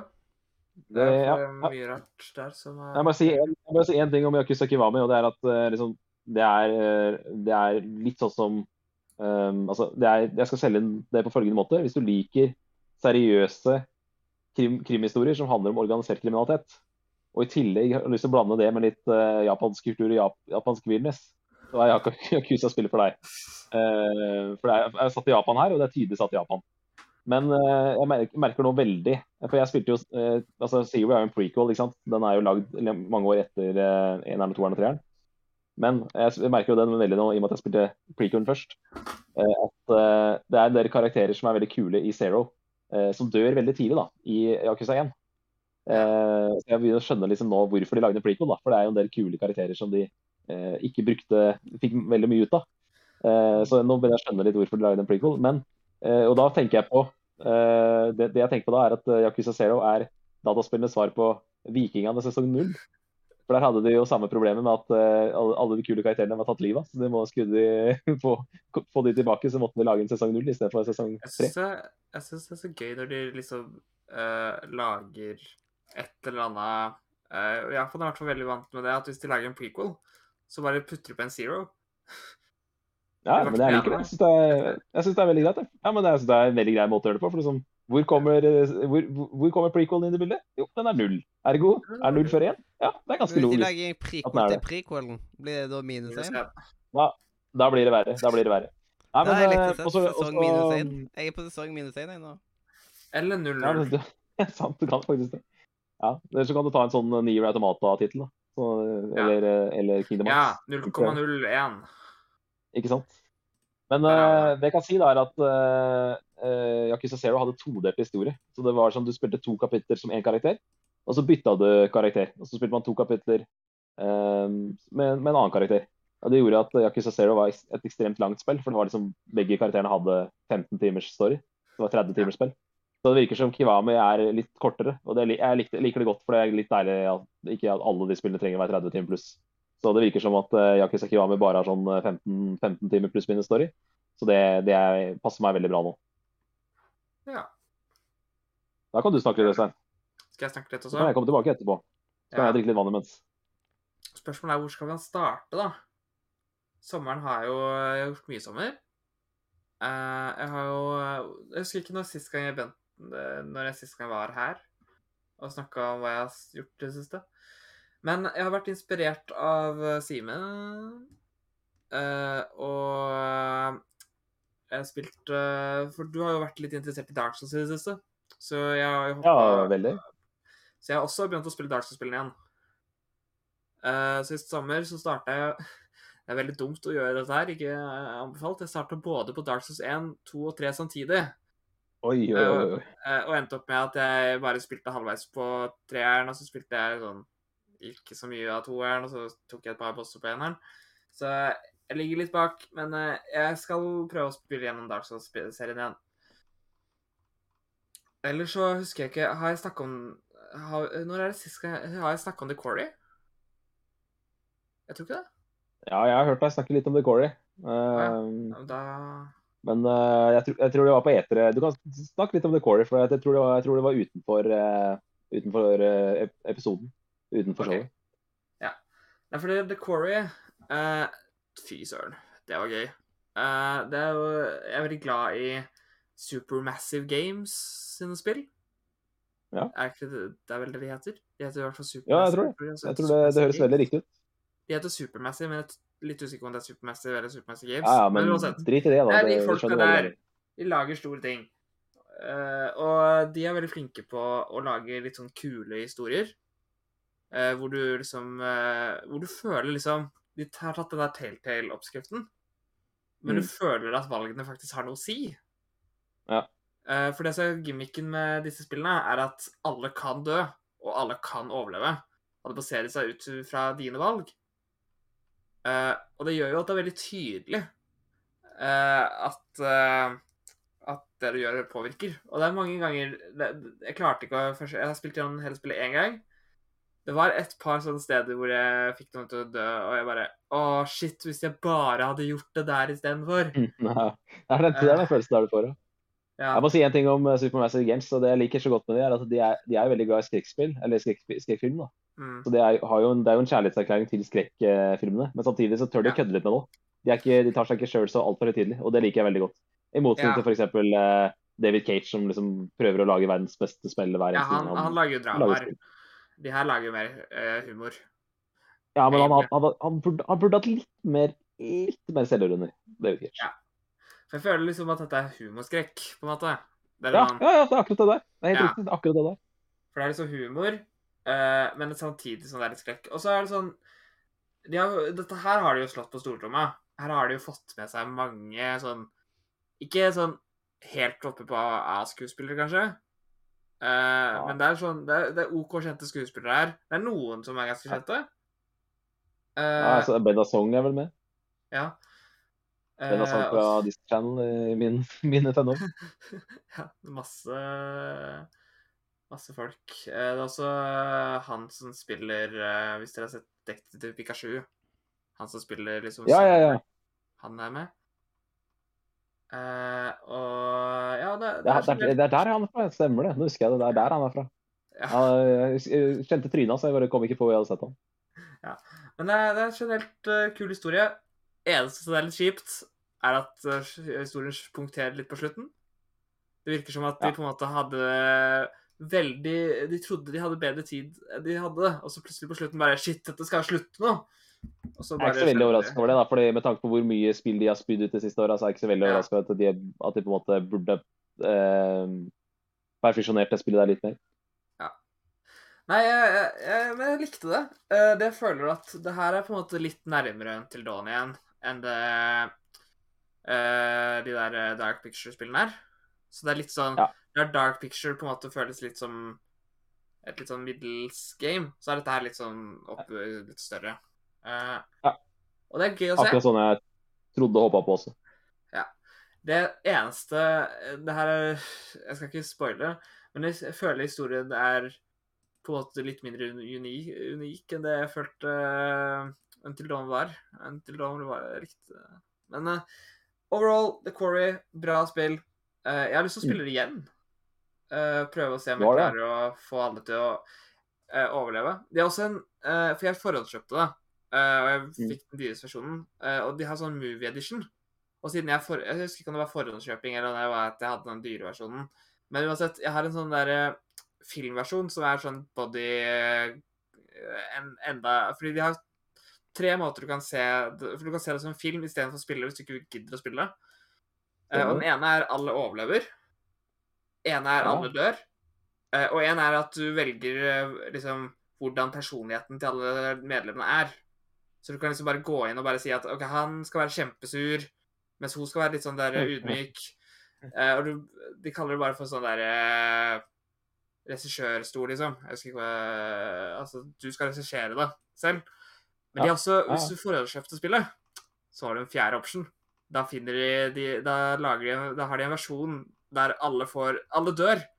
På den groteskeste måten de har. Oi, oi, oi. Heftig. Eh, de kaller det for liksom, bodyguard, eller noe sånt. Uh, Ja. det, det er Fordi folk kan jo dø på forskjellige måter. Og noen er mildere enn andre. Uh, så jeg har litt lyst til å se den, bare for å se hvor ille det kan bli. Nei, jeg, jeg, jeg skjønner hva du mener. uh, men eh, samtidig så Jeg har spilt Tomb Raider òg, liksom. Eh, så Ja. da, da får man nok Bodyguard. Ja, Tomb ja. Raider of Us, der er det nok, eh, nok bodyguard. ja. Er fordelen her, er at du slipper å se den samme klippet to ganger eller tre-fire ganger fordi at du feiler på samme hopp. Det er godt poeng. Det er godt poeng. Og jeg husker eh, et av de der spillene så var det sånn eh, Jeg gjorde den samme feilen sånn ti ganger. Det var kjempeirriterende. Uh, ellers så har jeg også uh, Fordi jeg er veldig glad i Igjen, jeg er veldig glad i sånne uh, spill som gjør valg. Uh, og jeg spilte jo Late Shift sånn tidligere i år. Ja, eh, som er eh, kanskje det beste sånn derre filmspill-tingen. der er FMV, ekte mennesker. Ja. FMV, som det også heter. Men jeg fant en Jeg, jeg har funnet flere nå, eh, men jeg har kun spilt en av dem, eh, som jeg ikke har hørt om før. Og den jeg har spilt, heter She Sees Red. Og det er også en sånn kul sånn der eh, historie. Det handler Det føles mer som en demo, så jeg håper at de som har laga spillet, på en måte kommer med et ordentlig spill, for det er sånn to timer langt, maks, eller noe. Uh, men uh, det er ikke det engang. Jeg tror det var en time langt. Uh, men uansett eh, Det handler om noen som har blitt drept, og så skal du prøve å finne ut hvem som står bak. Så ja, interessant hvis du liker sånne spill. Ja, absolutt. jeg har også funnet ett sånn jeg ikke har lyst til å kjøpe, men jeg har hørt at det er det verste eksempelet på det. Jeg tror det heter eh, I'm in love with your eh, grandpa, eller noe sånt. Oi, oi, Eh, oi, oi. Det er kjemperar. Og jeg, og jeg, jeg så liksom bildene, og det ser ut som de der knappene for å velge valg er liksom laga i paint. Og så har jeg hørt fra folk som har spilt det, at det er liksom det mest kleine manuset du får tak i. Men ja. Nei, vent, nå husker jeg det. Det er ikke grandpa. Det er I'm in love with your dead grandmother. Det var Enda det. bedre. Det var ikke Enda det var ikke noe bedre. Det var det ikke. Eh, jo da. Så det, ja da. Nei, det så. Eh, ja, ellers så prøvde jeg også Tetris Effect, endelig. Eh, det Ja. spillet har jeg syntes det har vært altfor dyrt til å eh, kjøpe. Ja, det er men plutselig så Det var det jo en del av abonnementet. Premium. Det kom jo det Er du gira på Tetris Effect? Jeg er ikke så veldig gira. Det er liksom kult nok, men eh, jeg spilte det time eller to, og så ble jeg litt lei. Jeg Carl han, han, han, var, han brukte litt tid på å bli hekta på det. Så han mente at, eh, han mente at ja, det, ja, vi har ikke pratet nok om Tetris Effect. Og så bare de andre bare ja, vi prata om det hele tida. Vi satt og prata om det hver uke før, før jul. vi Da. Det var bare han som ikke var hekta på det. var det som var problemet. Nei, for det er sånn eh, Jeg vet ikke, jeg skal sikkert prøve å gi det mer en sjanse, men eh, det er bare Tetris med fancy lydeffekter og liksom Ja, visual effects. Det er jo Ja. Absolutt. Ja. Det er jo Eh, dopamin, da. Det er, det er hjernedop, da. Når du blander liksom fet musikk med, med den der sinnssykt tidløse gameplay, da, for å ta et spill som Ja. har godt gameplay. Ja, Så, det er- det er så, så blir, blir det hjernedop for veldig mange. Det er tidløst gameplay. Uh, eller så starta jeg på Moonlighter, uh, som er sånn uh, Det handler om at du driver en butikk, og så skal du inn i en dungeon for å hente materialer til å drive butikken din. Jeg fikk det anbefalt Jeg hørte det på nerdelandslaget. Og da Ah. satt jeg tilfeldigvis og spilte et annet sånt spill som heter Shopkeep. Ja. Eh, og så bare tenkte jeg å, det her høres inter- interessant ut. Mm. Eh, og det er basically et sånn rogue, roguelike-spill. Uh, bare at det du finner i rogeliken, kan du bruke til å drive med en shop samtidig. Uh, Konge. Men eh, Ja. apropos eh, spill, små indiespill, er det noen som har plukka opp den derre Bear Cook? Eller den, der- den der lille bjørnen? Lille, lille søte bjørnen Ikke ennå. være Nei, men det har kommet ut, har det ikke det? Har det? Det har jeg ikke fulgt med på. Det kan hende. Jeg mener jeg hørte at det skulle hadde kommet ut, men det kan kanskje Jeg har liksom ikke hørt noe om det etter at jeg hørte at det skulle komme ut, så jeg er litt usikker. Ja. Men, eh, men det er i hvert fall eh, et av de eh, spillene jeg husker fra Holson Dark. Det, det det starta jo helt sjøl. Skal vi Ja, det kanskje, ja. kan vi kanskje gå videre til Nise? Nei, men jeg har et par, et par ting jeg må nevne, i hvert fall. Øystein har jo mer igjen, Mathias. Jeg har jo mer igjen også. Ja. Eh, Skal vi se, vi kan hoppe over noen av de tinga som jeg For eksempel ga Maneater en ny sjanse igjen. Uh, Hey. det, ja. Uh, Hvor mye, hvor mye lenger har du kommet her nå? jeg har platinum to ganger, så jeg har 100% av historien to ganger. Uh, så Den er grei. Da, da vil jeg ikke kalle det å gi det en ny sjanse. Da vil jeg si å ta det, plukke det opp igjen. Ja, plukke det opp igjen, da. Eh, et annet indie-spill, My Friend Pedro, fikk jeg endelig spilt i sommer. Min Friend Pedro? Oh, nice. Pedro på do. Ja. Jeg, eh, Har dere spilt det? Det er jo var- favorittspillet har- det er jo favorittspillet mitt. Nei, det var jo, jeg var supergira på det når det kom ut, men så hadde jeg, kom det ikke til PlayStation. Så har jeg, jeg har kjøpt det, men jeg har ikke spilt det. vet. Nei, uh, men det var overraskende gøy. Uh, jeg uh, Igjen, Så dødskult ut, da. Alt, alle de klippene jeg har sett av spillet, syns jeg det ser dødskult Ja. ut. Det lå ute på den der eh, premien, vet du, så jeg bare lasta det ned og spilte. Mm. Uh, og skal vi se Til slutt, da, bare for å hoppe over, så har jeg også endelig eh, det spillet jeg var med Skia fra sommeren. Siden sånn E3-ting. Mm. Uh, eller jeg kan nette Jeg jeg har også spilt Stray i sommer. Det gjorde jeg jo. Ja. uh, Ja, selvfølgelig. ja. Platinum? Nei, det har ikke vært på Platinum. Nå runda det, da. Det har ikke jeg ennå. Eh, kult spill. Men jeg har endelig fått spilt uh, spillet som jeg var mest gira på i sommer. Cult of the Lamb. Cult of the Lambs. Cult of the Lamb, heter det. Ja. Jeg er spent på å høre deg prate om det, for at, um, det var jo et spill som jeg synes så, liksom, så interessant ut. Så var jeg liksom sånn der, nei, jeg tror ikke det er noe for meg. Men um, så leste jeg liksom Gamer sa at det blir bedre jo lenger du spiller det. Og det er jo litt deilig å ha et sånt der langt prosjekt òg, da. Og så var det jo også billig, vet du. Så jeg endte opp med å plukke opp både det og, og det der Roller Drome som vi også fikk servert på etter i sommer. Mm.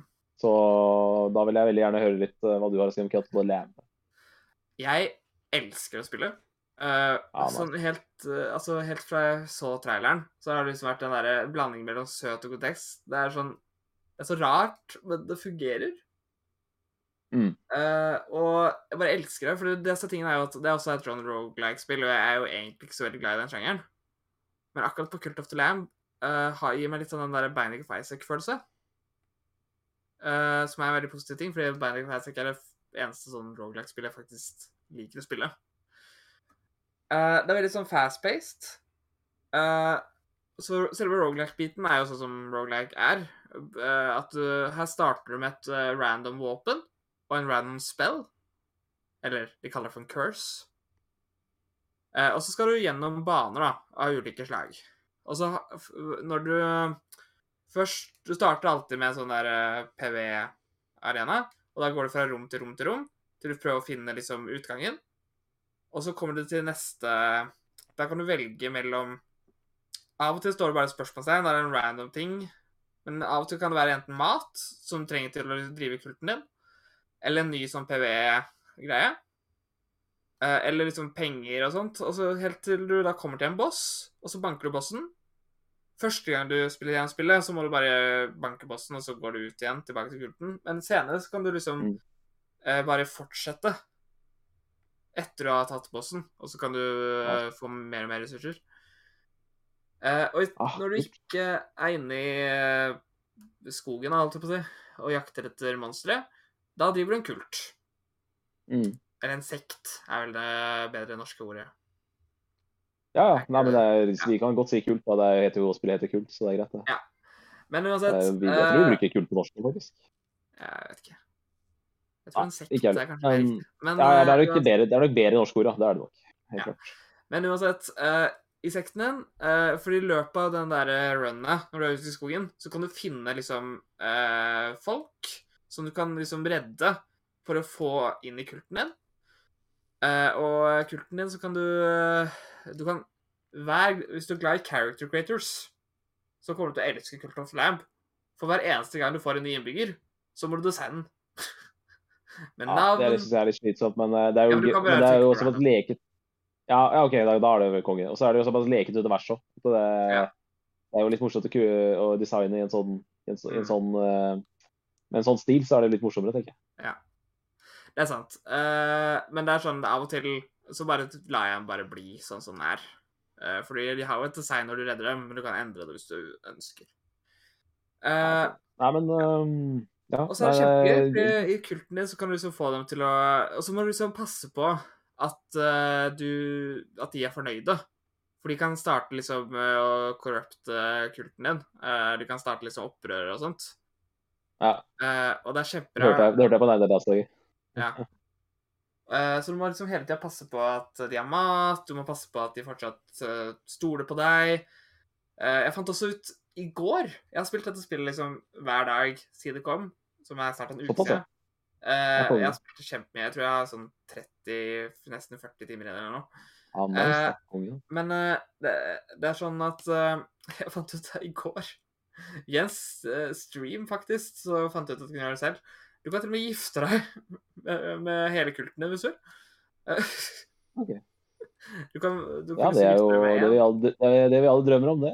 Ja, ja. Så plutselig har du masse kultmedlemmer, og så kan du gifte deg med hele gjengen også. Det er kjempegøy. Uh, og så må du liksom passe på at uh, For ting er at jo flere du har i byen, uh, eller kultene, da, du lager en liten plass, jo bedre Altså jo fortere får du oppgraderinger. Eh, for du har eh, forskjellige level-systemer. Eh, den ene er liksom bare leveler opp selve kulten din. Du unlocker nye bygninger du kan bygge, som eh, hjelper både enten deg eller hjelper dem. Og så har du også en annen der du hjelper deg på selve rogelike-delen. Så er det sånne oppgraderinger som Du kan oppgradere hvilket level startervåpenet ditt er i. Du kan oppgradere liksom at du unlocker ulike typer våpen og sånt, og litt flere curses og sånt. Og det er litt uh, så det er det byen din kan hjelpe deg med, da. Men overall, fantastisk spill. Ja, konge. Ja. Det er nydelig. Eh. Det som var grunnen til at jeg ga det sjanse, var for det første så var det jo typisk indie-pris. da. Det var litt billigere. Eh, Ja, så tenkte jeg på det at uh, i 2020 så var liksom mitt game of the year var jo Spiritfarer, som jeg hadde null tro på på forhånd. Og i 2021 så var det jo i hvert fall tett oppunder under hver game mitt av game of the var jo det derre Death Store? Unpacking. Eller uh, Unpacking, ja. Unpacking, som jeg hadde også null tro på på forhånd, at det skulle være noe for meg. Så jeg tenkte at jeg har lært det det siste året at du må jo prøve å utvide horisonten litt og, og gi spillet en sjanse. Så jeg, ja, så jeg er spent på å sjekke det ut. Ja. Jeg kom på eh, bare to ting til. Eh, For det første eh, Fordi i år så hadde jo eh, Rune fra Level Up hadde jo en sånn der eh, tre spill det er verdt å spille. Eh, hadde, På YouTube, eller? På YouTube, ja. Ja. Eh, og en av de var et sånt Jeg husker jo at jeg har sett traileren før, men når han anbefalte det, og jeg fant ut at det var på PlayStation, så kjøpte jeg det med en gang. Det heter Freshly Frosted. Det er et puslespill hvor du skal lage donuts. Og det, og det, er sånn, det høres det, det er et ganske koselig spill. Det er veldig sånn fin musikk i det og sånt. Eh, og det er greia er at du skal lage sånn conveyor belt, liksom. Fra liksom hvor de starter. Men så må du passe på at de er i riktig rekkefølge, liksom på at de får eh, glasur, at de får strøssel, før de kommer til liksom levering.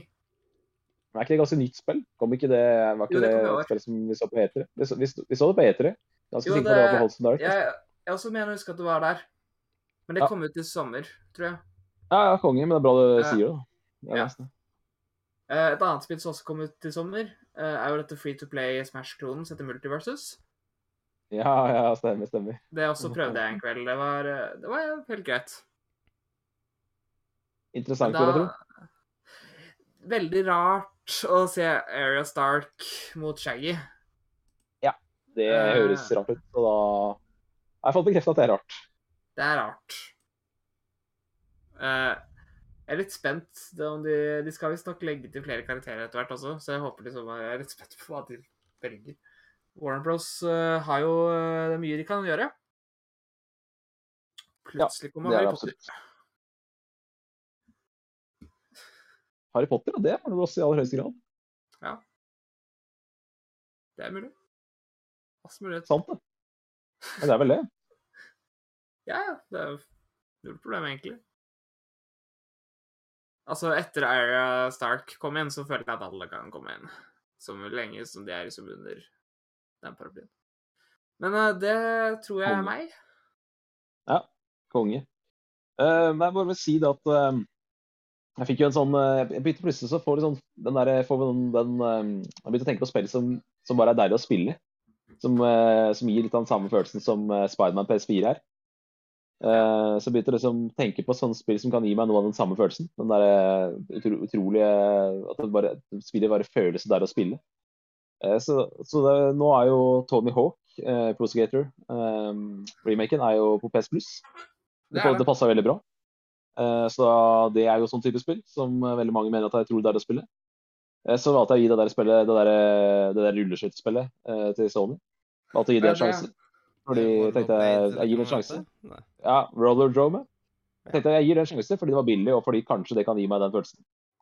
Uh, uh, så det var de to. Og så, uh, og så tenker jeg også at det spillet du nevnte, Øystein, med det derre um, My Friend Pedo, det kan også Ja. være et sånt spill. Så jeg har vært litt sånn på utkikk etter sånne spill nå. Så jeg tenker at det er i hvert fall tre gode kandidater der. Mm. Ehm, og så eh, har jeg spilt eh, Bloodborne. Grunnen til at jeg spiller Bloodborne, det er fordi at eh, jeg er på min andre gjennomspilling med det spillet. Og det er jo herlig med et, på det som egentlig er et ganske lite spill. For det er jo, Øystein sier at det er det desidert korteste Fromsdal-spillet. Ja. Ehm, og det er litt gøy med et spill som man har unna. og det er egentlig ganske lite, men det er utrolig mye man har missa. Så jeg måtte ta en andre gjennomspilling for å, for å komme til de områdene jeg ikke klarte å komme til på første gjennomspilling. Ta de bossene jeg ikke har tatt. Og så var det jo en- viktig ting for meg, eller hovedmotivasjonen min, er jo å ta DLC1. Spille DLC1. Um, og da har jeg, tatt, da har jeg kommet til boss, eh, boss nummer tre på DLC1. Eh, denne hunteren med navnet Maria. Så der står jeg fast nå, da, i sted.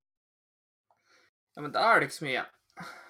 Nei, jeg har nok ikke så mye igjen, men det er bare sånn eh, Ja, jeg er litt lei av å stå fast på bosser, så jeg må, må bare manne meg opp til å bli god i den bossen igjen. Ja. Eh, men eh, utrolig, utrolig gøy med spill som man har runda, men som man likevel har så utrolig mye mer å oppdage i. Så det er bare Ja. nok en gang må skryte av level-designet til eh, FromSoft. Det er eh, fantastisk. Du har ikke vært nede i challenge-lunsjen heller? Eh, det er korrekt. Det har jeg ikke. Der er det jo Så- jeg tror det er 26 bosser, så du kan ta. Ja, ikke sant, ikke sant. Nei, det er, litt- jeg har noen timer igjen med det spillet, skjønner jeg. Det er eh, et uh, fantastisk spill. Du har vel det som favorittspill, har du ikke det? Kanskje nummer to nå etter Elden Ring? Ja, det, det kriger litt opp mot Elden Ring, ass. Men uh, det er jo helt oppi der, i hvert fall. Ja. Nei, men uh, det var deilig å ha han der Ludvig, da. Ludvig var jo en drittboss, så han, han irriterte meg. Den ser jeg. Men jeg tok han til slutt. Tok han til slutt. Jeg tok faktisk også Fordi jeg har bare spilt DLC-en én gang. Eh, eller det stemmer ikke, for nå har jeg spilt den en gang til. Men jeg kjøpte den opp. Ja, jeg så det. eh, For vi, vi diskuterte dette på forsommeren. Kanskje du skulle kjøpe DLC-en, liksom, for, for å spille det på nytt igjen. Så jeg så du var i gang, da. Jeg så du hadde kjøpt deg The Definitive Edition, eller hva det heter. Game of the Year. Edition, tror jeg. Så jeg skjønte at du skulle spille DLC-en, så det er jo veldig bra.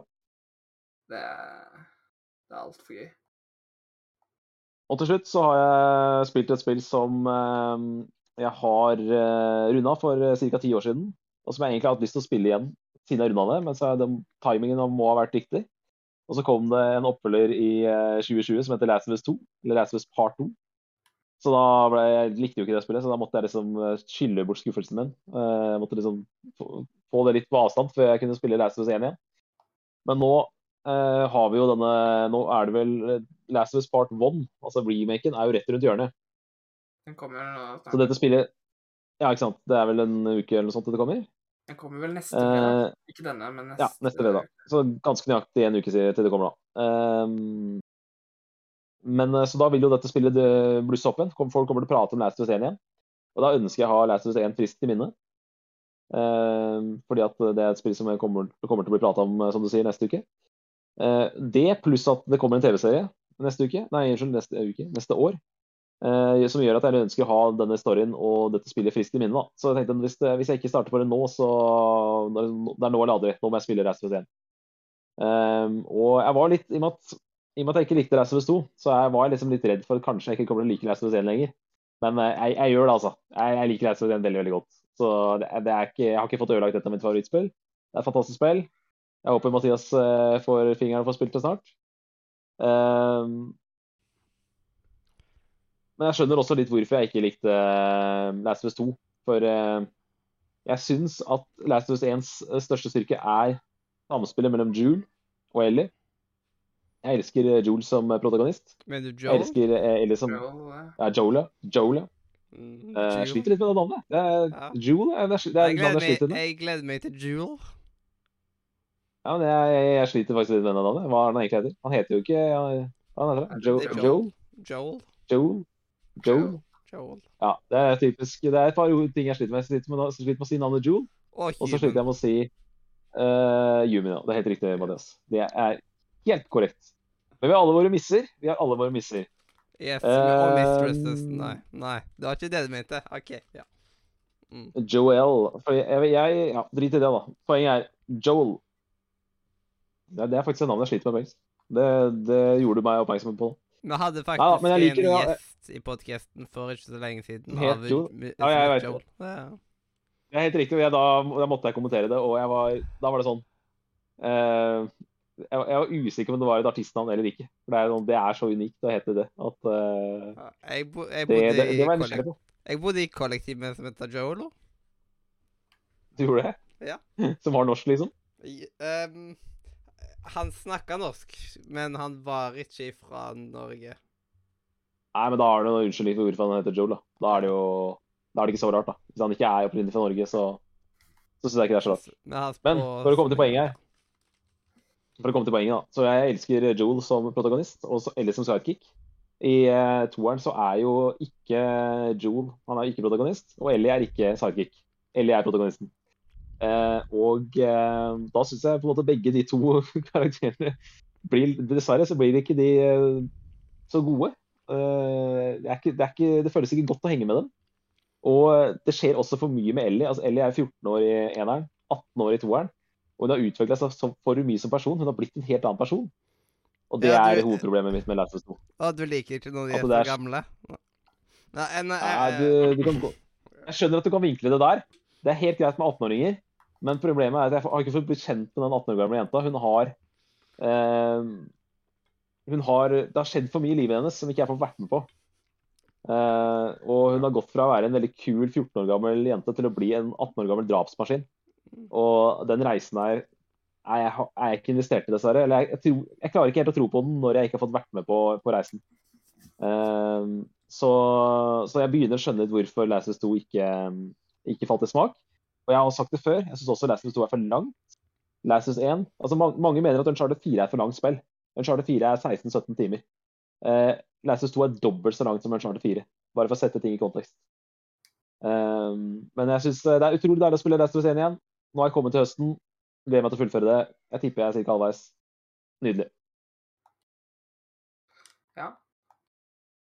Og så er det sånn, eh, nå som kommer remix, så er det jo ingen, uh, ingen unnskyldning å ikke ha spilt, egentlig. Du har jo Nei, tre og så konsoller og så er jeg eh, og så, så, Som sagt, jeg ønsker å ha den storyen friskt i minne fordi jeg skal sammenligne med TV-serien neste år. Og nå kommer jo faktisk media til å skrive litt om det spillet igjen, i og med at, eh, som du sier, eh, det spillet som da het Lasses for ti år siden, men som nå heter Lasses Part 1 når det kommer ut på nytt igjen neste uke. Mm. Da kan vi gå til Nise, Mathias. Yo, yo, jau. Og det tror jeg og han der eh, Jon Edvard vil uh, være takknemlig for. Fordi han har sittet og venta her i evigheter på å få si uh, den uh... Nei, forresten, det er ikke Jon Edvard ennå. Først er det Resrul. Og han er jo litt mer utålmodig å se det med. Og der var det på tide med ny informasjon innen spillelektronikk. Eller Nisse. Yes, og da var det klart for uh, ny informasjon innenfor spillelektronikk. Og eh, det er rett og slett våre spillnyhetsspalte. Og Ja. noen av dere har vel litt mer uh, på hjertet her enn det jeg har akkurat nå? Hvis skal vi bare ta elefanten i rommet først, eller uh... Hva tenker du på? En trailer som Ja, du vet, Ja. av et lite spill som kommer neste år. Jeg, jeg tror ikke så mange har fått det med seg, egentlig, men Jeg skal dit, da? Eh, altså, jeg vet ikke, jeg har ikke så veldig mye Jeg føler ikke den traileren ga så mye. eh, Utenom kanskje sånn For meg så var det iallfall litt hype ut ifra den traileren.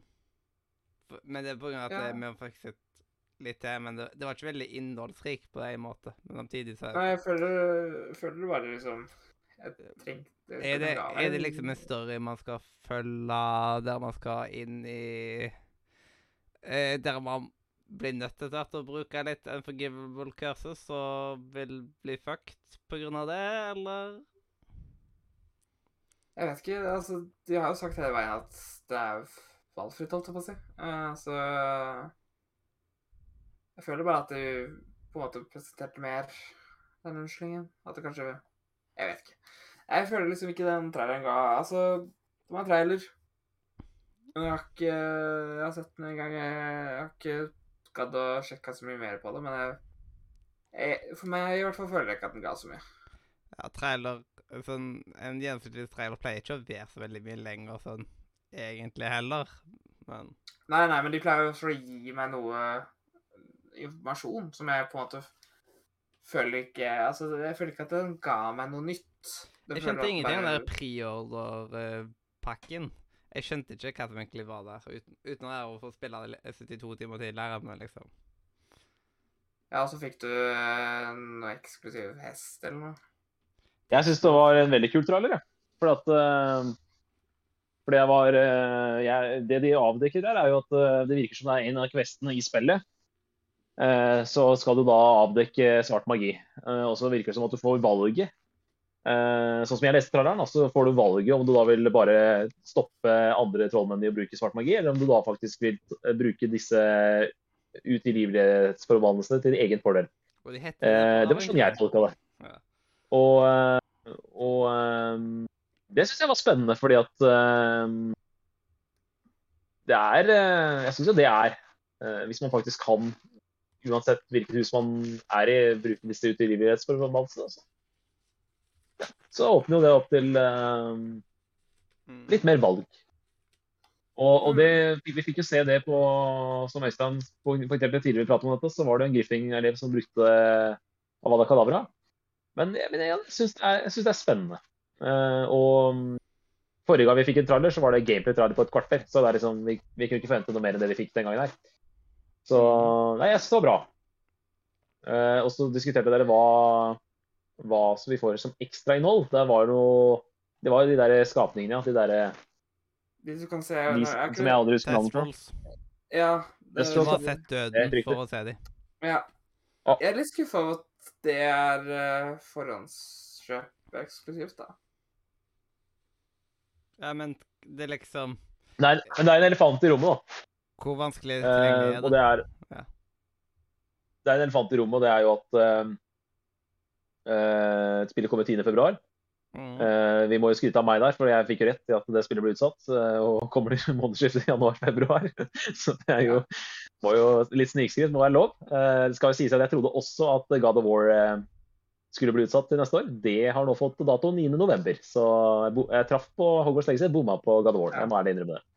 Yes. Eh, det jeg skulle si, var at eh, eh, Digital Deluxe Edition åpner opp for å spille spillet tre døgn tidligere. Er det noen av dere som kommer til å benytte sjansen? Jeg kommer til å gjøre det. Eh, vanskelig å si. Men jeg har også mest fordi jeg har lyst på den, uh, lyst på den høsten. jeg. Jeg, liksom jeg hadde gjort det jeg, jeg, Ja, uh, Mathias? Det er liksom spørsmål Kom, Er det liksom rett uh, ah, Det er så vanskelig å si, på en måte. Siden eh, er det da den edition som blir den vanlige å kjøpe etterpå, med tanke på prisnivået, eller Ja. Siden man har alt det her med digital deluxe og alt Ja. Uh, Ja, Du må jo regne med å legge på et par-tre hundre kroner. da. Ja. Uh, jeg hadde gjort det hvis uh, kan si det sånn, Hogwarts Legacy er kanskje første spillet siden Red Dead 2 at jeg ville vært villig til å betale ekstra penger for å spille spillet tidlig. Eh, men jeg er på ferie når det kommer ut, så jeg kommer ikke til å få spilt det på dag én uansett. Så, så det, blir, eh, det blir ikke det for meg. Det gjør det ikke. Men det er nok også eneste grunn til at jeg ikke kommer til å gjøre det. For jeg, har, jeg er utdanna når det spillet slippes.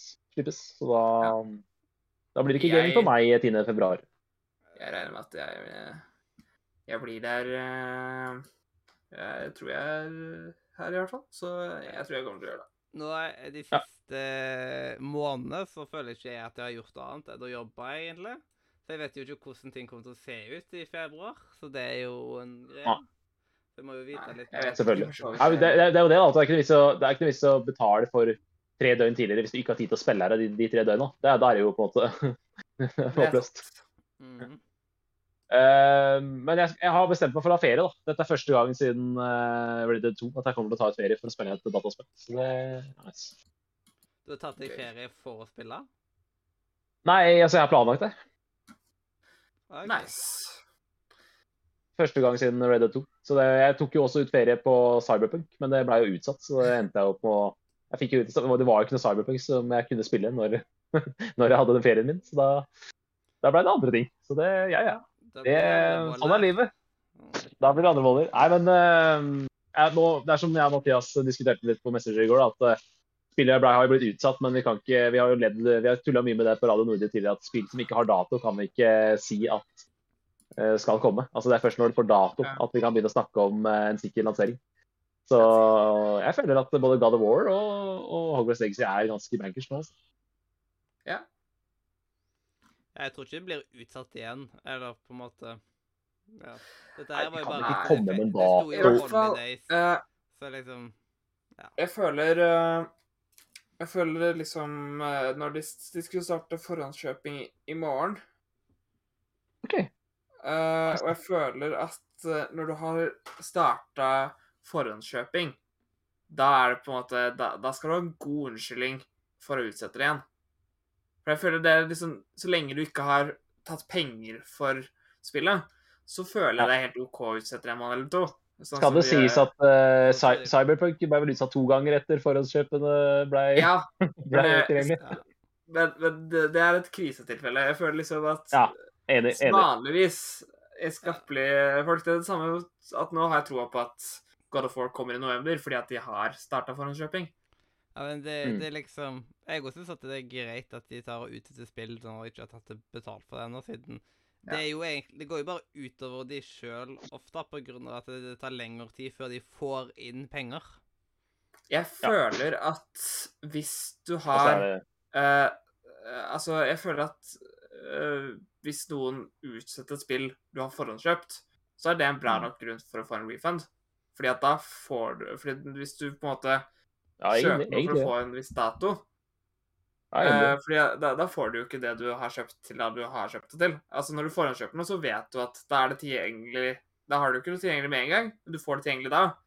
Mm. Eh, og jeg vet at for eksempel de fleste steder så er det sånn at hvis du, Fordi det, det som er problemet med ofte med forhåndskjøping, er jo at eh, du kan ikke refunde det fordi at det har gått sannsynligvis Hvis du forhåndskjøper noe De fleste sånne refund-ting Du får ikke lov til å refunde etter en måned eller noe. Ja. Eh, så derfor er det hvis du forhåndskjøper noe to-tre måneder før det kommer, så får du jo ikke mulighet til å refunde uansett. Men det burde vært et unntak hvis produktet ikke kommer ja, siden refund burde vært så og så lenge etter på lansering. Ja. Men igjen, da så har man Early Access-spill, da. Så, men da burde det vært siden Ja. til det er tilgjengelig, vil jeg si, egentlig. Ja. Fordi at uh, hvis det er early access, så har du jo mulighet til å spille det. Men ja. mm. Men skal vi snakke om andre ting? For det er mye det, eh, ja, jeg har et, et spørsmål til dere. Uh, er, det, er det bare jeg som er skeptisk til flyvinga i spillet? Nei. Jeg er også Mathias? Flyvinga i spillet? jeg, jeg vet ikke helt. Jeg har ikke satt meg noe mening der. Nei, det er ærlig, det. det er spørsmål. En som er skeptisk til det, og en som er usikker. Det, det, det er ikke Altså, all, Av alt vi fikk se i det gameplay-traileren, så var det det som jeg syns var dårlig. Det så litt eh, stivt ut. Det så stivt ut. Men, eh, men altså, det, er- jeg tenker at de bygger jo ikke spillet rundt å fly. Så det er på en måte jeg- Det driter jeg det, jeg, Så lenge jeg ikke blir tvunget til å fly hele tida, så går det veldig bra. Ja. Ja, det spørs litt Eh, da. At du må kanskje det Jeg må- jeg må si én ting. kontroversielt.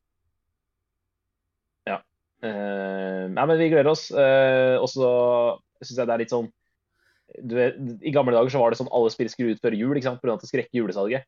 Men hvis det Mm. er én lisens her i verden som ikke trenger å rekke julesalget for å selge kopier, så er det jo Harry Potter-lisensen. da. Så det er litt sånn Det, det er bare tull når du sitter med så eh, stor lisens.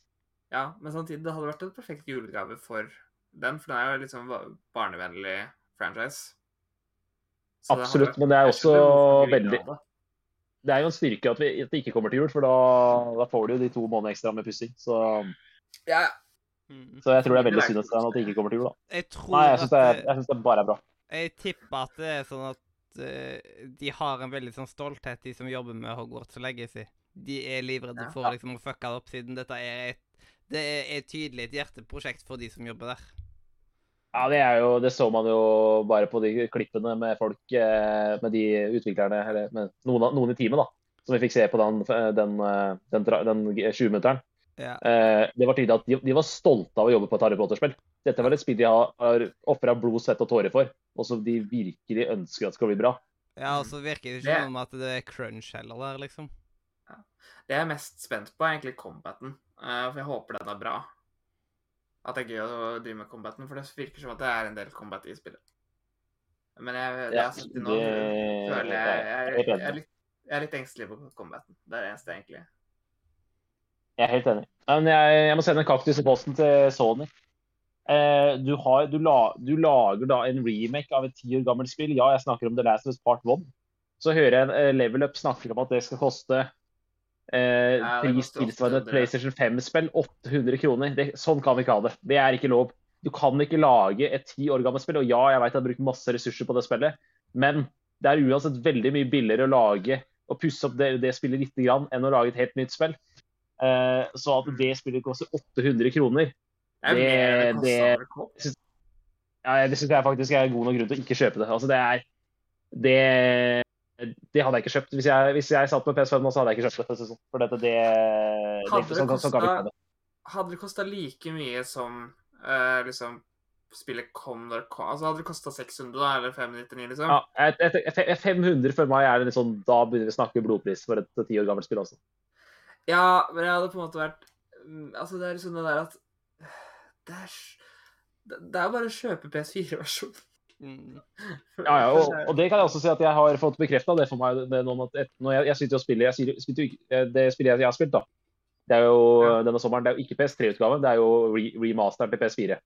Eh, men jeg har fått bekrefta nå at eh, det jeg har sagt hele tiden, det, det spillet trenger ikke noe remake. For det spillet er meget bra i, i, sin, eh, i sin gamle prakt.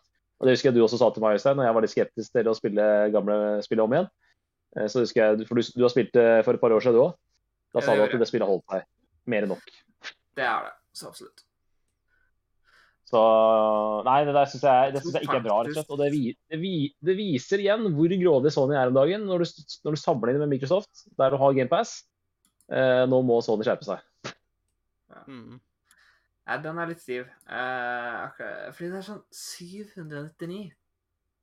Altså, det er, det, er, det er jo et fantastisk spill. Men jeg hadde Ja, Men de har jo ikke noe å si når det er ti år gammelt. Ja, det er liksom det at eh, du får sikkert, hvis du kjøper uh, PS4-versjonen brukt, så får du bare en hundrings, liksom.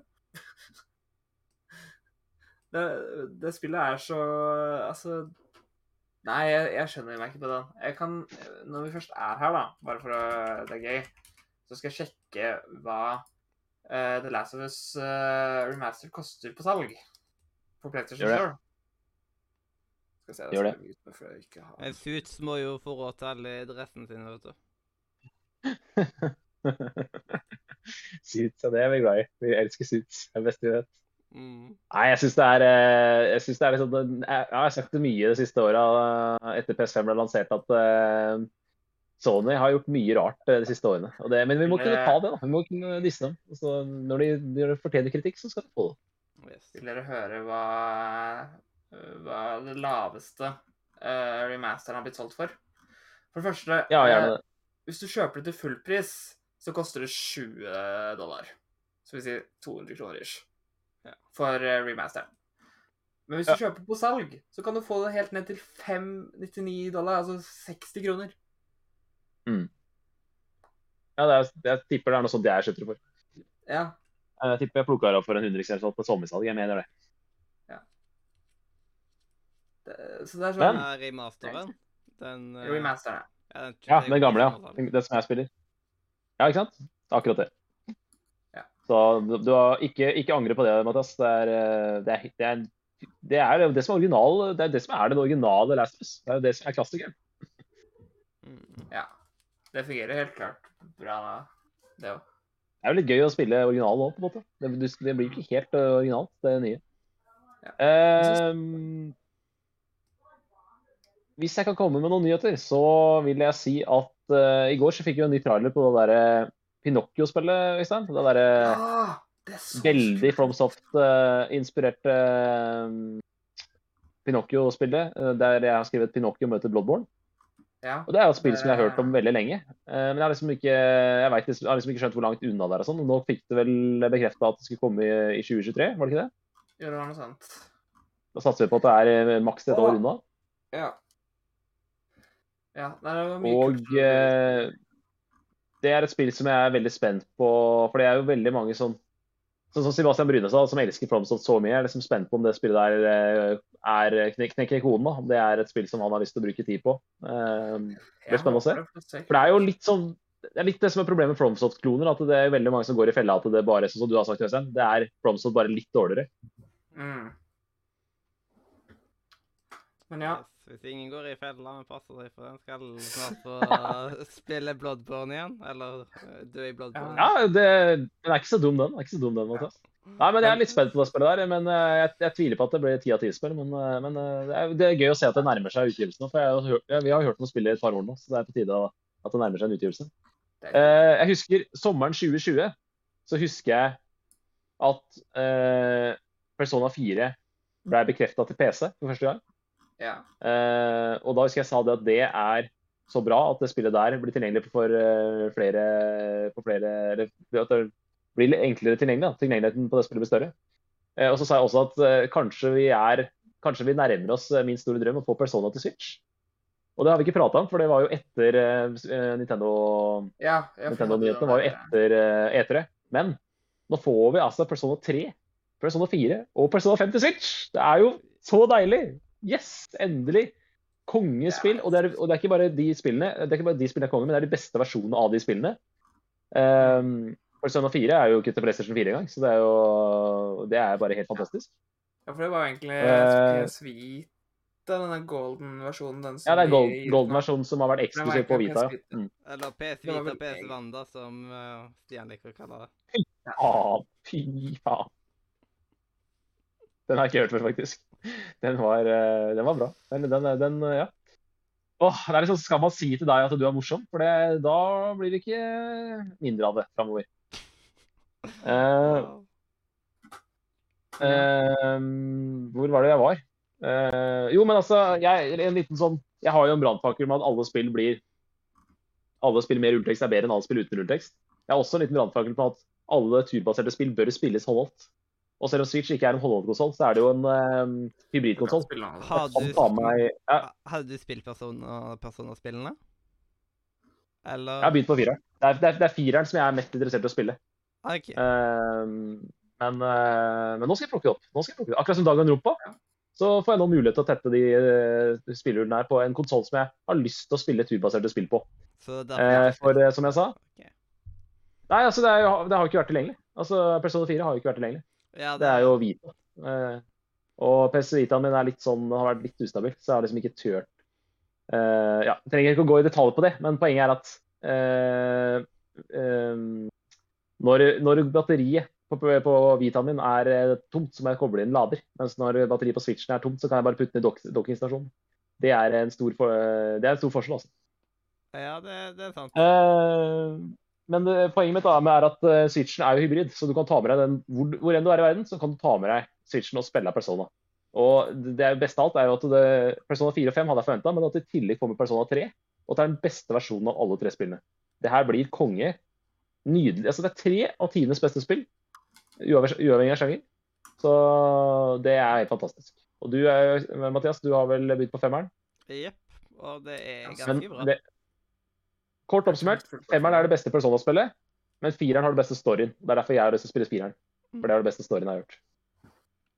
Ja. Men femmeren er det beste spillet, da. Uh, og så uh, en, ting som jeg, en ting som jeg ikke fikk sagt før uh, etere, det er at uh, Monkey Island 3, for faen! Kanskje den største, største spillnyheten eh, for meg i år. Det er at Monkey Island 3 bare er en måned unna. Ja, det, Fantastisk. Det annonserte de i går. Og eh, ja, jeg vet det. Og eh, Altså- det har jo kommet et Monkey Island 3 og 4 og 5 og sånn. Men jeg har bare spilt det OG Monkey Island. Jeg har kun spilt Monkey Island 1 og 2. Og dette er jo en av liksom, hovedmennene bak Monkey Island som lager sin versjon av Monkey Island 3. Så dette her er er som jeg får oppfølgeren på Monkey Island 1 og 2.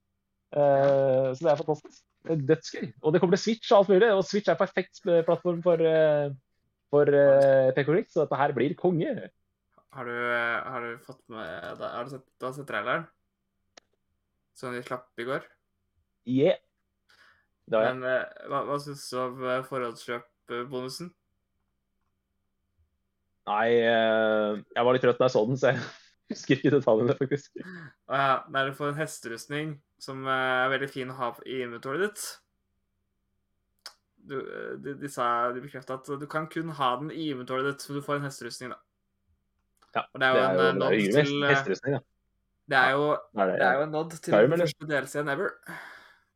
Hva var det? Var en, eh, det er en hesterustning i Morrowind. Du var den første DLC-en noensinne. Ja, Morrowind var det. Ja, jeg blanda sammen. Jeg trodde det var Skyrim, men det var Morrowind, selvfølgelig. Ja. Så ja, eh, jeg syns det er veldig gøy. Eh, I hvert fall det at du kan ikke gjøre noen ting med den. Du kan kun ha den i inventoret ditt. Og det får du hvis du Ja, ja. forhåndskjøper spillet. Det er, Så det er veldig morsomt. løp og kjøp. Og så, Men- eh, så liksom Mon- Monkey Island 3. Eh, jeg har jo Ja, nei, jeg, eh, det er jo en, det er et spill jeg elsker. altså Monkey Island 1 og 2 elsker, det er et spill jeg elsker i en sjanger jeg egentlig ikke liker. Så ingen regler uten, uten unntak. Så det er konge at det kommer. Og som du sa, det, fikk vi dato i går. Hva var datoen? Eh, 19. september. Ah, nydelig. Tre uker unna, eller kanskje fire. da. Fire uker unna. Ja. Eh, det, det er beautiful. Det er nærme. Og så, i det, det altså, Skal du si det mer? Ja. Skal du si det mer? Island relatert? eh, eh, eh, hva syns du om egentlig den grafiske stilen? For det har vært en veldig stor Jeg noe eh. Jeg driter, altså, jeg drit, jeg driter i det. Altså, det man, den grafiske stilen er sånn det, Den har en skjerm. de ja, det er akkurat det. De, de har en sjarm. Og det er liksom sånn De som vokste opp med de klassiske spillene, de likte ikke den der remaster som jeg har spilt. ikke sant? Jeg synes, jeg synes, For meg er det Glivers. ikke sant? Det er den remaster-looken. Så jeg har, det har jeg ingenting imot. Altså, det, er, det er helt, helt greit. Ikke noe problem med det. Uh, men idet jeg sitter og scroller gjennom Facebook i går, så, så ser jeg plutselig at det er et, et, Tintin-spill under utvikling. Og det er jo liksom uh, Det er også enormt stort for meg, for det er liksom to av mine favorittting i barndommen er jo Harry Potter og Tintin. Så nå er det liksom ikke bare én av de, liksom, de der, eh, tingene jeg elsker i barndommen, men to av tingene som nå har et spill underveis. Så det er jo helt konge. Og det kommer til PS4, PS5 og Switch og alt mulig. Uh, aldri, jeg har ikke hørt om det før, men det, det skal komme neste år, så det har vært en utvikling Det i, lang, lang tid. Det har ikke jeg fått med meg heller, faktisk. Uh, så det er dødskult. Og så husker jeg også jeg, jeg husker at Tintin eh, det er jo, fikk jo en animasjonsfilm i 2011. Så det, det, det spillet, eller altså den filmen fikk eh, et spill da, basert på den filmen. Og det var jo et, ikke, ikke, ikke et ræva spill, liksom, men det var jo sånn terningkast tre-fire-spill. Liksom. Så det her virker mye mye kulere. Det her virker som de liksom har eh, satt seg ned og tenkt på liksom, hvordan skal vi De har ikke tenkt hvordan skal vi lage et bra dataspill, de har tenkt hvordan skal vi lage et bra Tintin-dataspill. Så nei, det der synes jeg Jeg så de, de slapp Jeg tror de slapp tre screenshots eller noe sånt i går. Så det så dødskult ut. Så det, det var liksom Ja. Jeg fikk, jeg fikk lyst til å spille det med en gang. Så, og det kommer neste år, og har vært i utvikling i mange år allerede. Så, så det, var, det kom helt ut av blå for meg. Eneste grunn til at jeg fikk det med meg, var fordi at jeg følger eh, Jeg tror jeg er fan av Tintin på Facebook, eller noe sånt, så det var derfor jeg fikk det opp. Ah, Så det var en eh, utrolig kul nyhet å få på en tirsdagskveld. var det alt dere ville snakke om? Jeg har et par eh, punkter i hvert fall jeg vil nevne. Okay. Uh, nei, altså, jeg har et par Jeg har et par uh, Jeg må bare nevne noen spill som har kommet ut uh, siden vi prata om det i sommer. Ok. For det er jo, det er jo en del Det er jo noen spill vi så på E3 i sommer som er på vei ut nå. ikke sant? Jeg nevnte altså Stray, Øystein, det har du runda. Det er ute. Ja. Eh, så er eh, Roller Drone, som jeg nevnte, det der, det der eh, rulleskøytespillet med gønnere, ute. Mm. Og så er, eh, en- Hva sa du? Cult of the Lamb snakket vi om tidligere. Det er også Ja, Cult of the Lamb, ikke minst. Ikke minst. Veldig bra. Eh, så er det derre det der Walk with Yaya, det derre Pokémon Ja, det, ja. eller det spiller med Pokémon-grafikk, eh, der du skal gå tur med best, bestemora di, eh, det er enten ute eller rett rundt hjørnet. Det, jeg tror det kommer denne uka. Hvis det ikke er ute, så kommer det denne uka. Så det må vi merke oss. Det har jeg satt på lista at jeg skal prioritere. Og så er jo et av, my, en av, et av spillene jeg hadde på topp 10-lista mi, det er også ute. Eh, for det er det derre eh, Gravity Falls-inspirerte spillet Lost ja, in Play. De er også ute nå. Uh, og så nå er det ikke bare to, nå er det ikke bare ett pek og klikk-spill jeg gleder meg til, men uh, to. Både Monkey Island 3 i september og Lost in Play i august. Så det er to spill, to, to, to pek og klikk-spill på én måned nå som jeg gleder meg skikkelig til. Så det er, uh, det er litt eh, unikt. Ja, det må Det har jeg også lyst til å sjekke ut. Ja, jeg er konge. Det er, Jeg er eh, veldig glad i eh, det det er inspirert av, så Ja, ikke sant. Nei, det, det der har jeg så skikkelig trua på. Det så, det så ut som det beste fra de gamle pek og klikk-spillene, men også modernisert. Så det så liksom, gameplay er mye bedre enn i de gamle spillene. Så det der, der gleder jeg meg eh, enormt mye til. Og så må jeg også si en siste ting, og det er at eh, et spill som jeg også hadde trua på i august, det er jo Saints Row, eh, rebooten. Eh, det fikk to av. Pressfire. Ja, det fikk to av Pressfire, så det tror jeg ikke vi skal glede oss til lenger. Så Det har jeg egentlig aldri vært noe gira på, så Nei, det er greit. Men jeg hadde litt tro på det. Eh, det. Da tror jeg heller du skal spille Mafia 1 og 2, Øystein, i hvert fall når du har de mulighet til å laste ned de gratis. Så kos deg med Mafia 1 eh, remake. Eh, sterk anbefaling fra meg. Eh, og så for å avslutte her, så må jeg bare disse Ubisoft litt, for det er jo en hobby jeg har fått de siste par årene, og disse Ubisoft.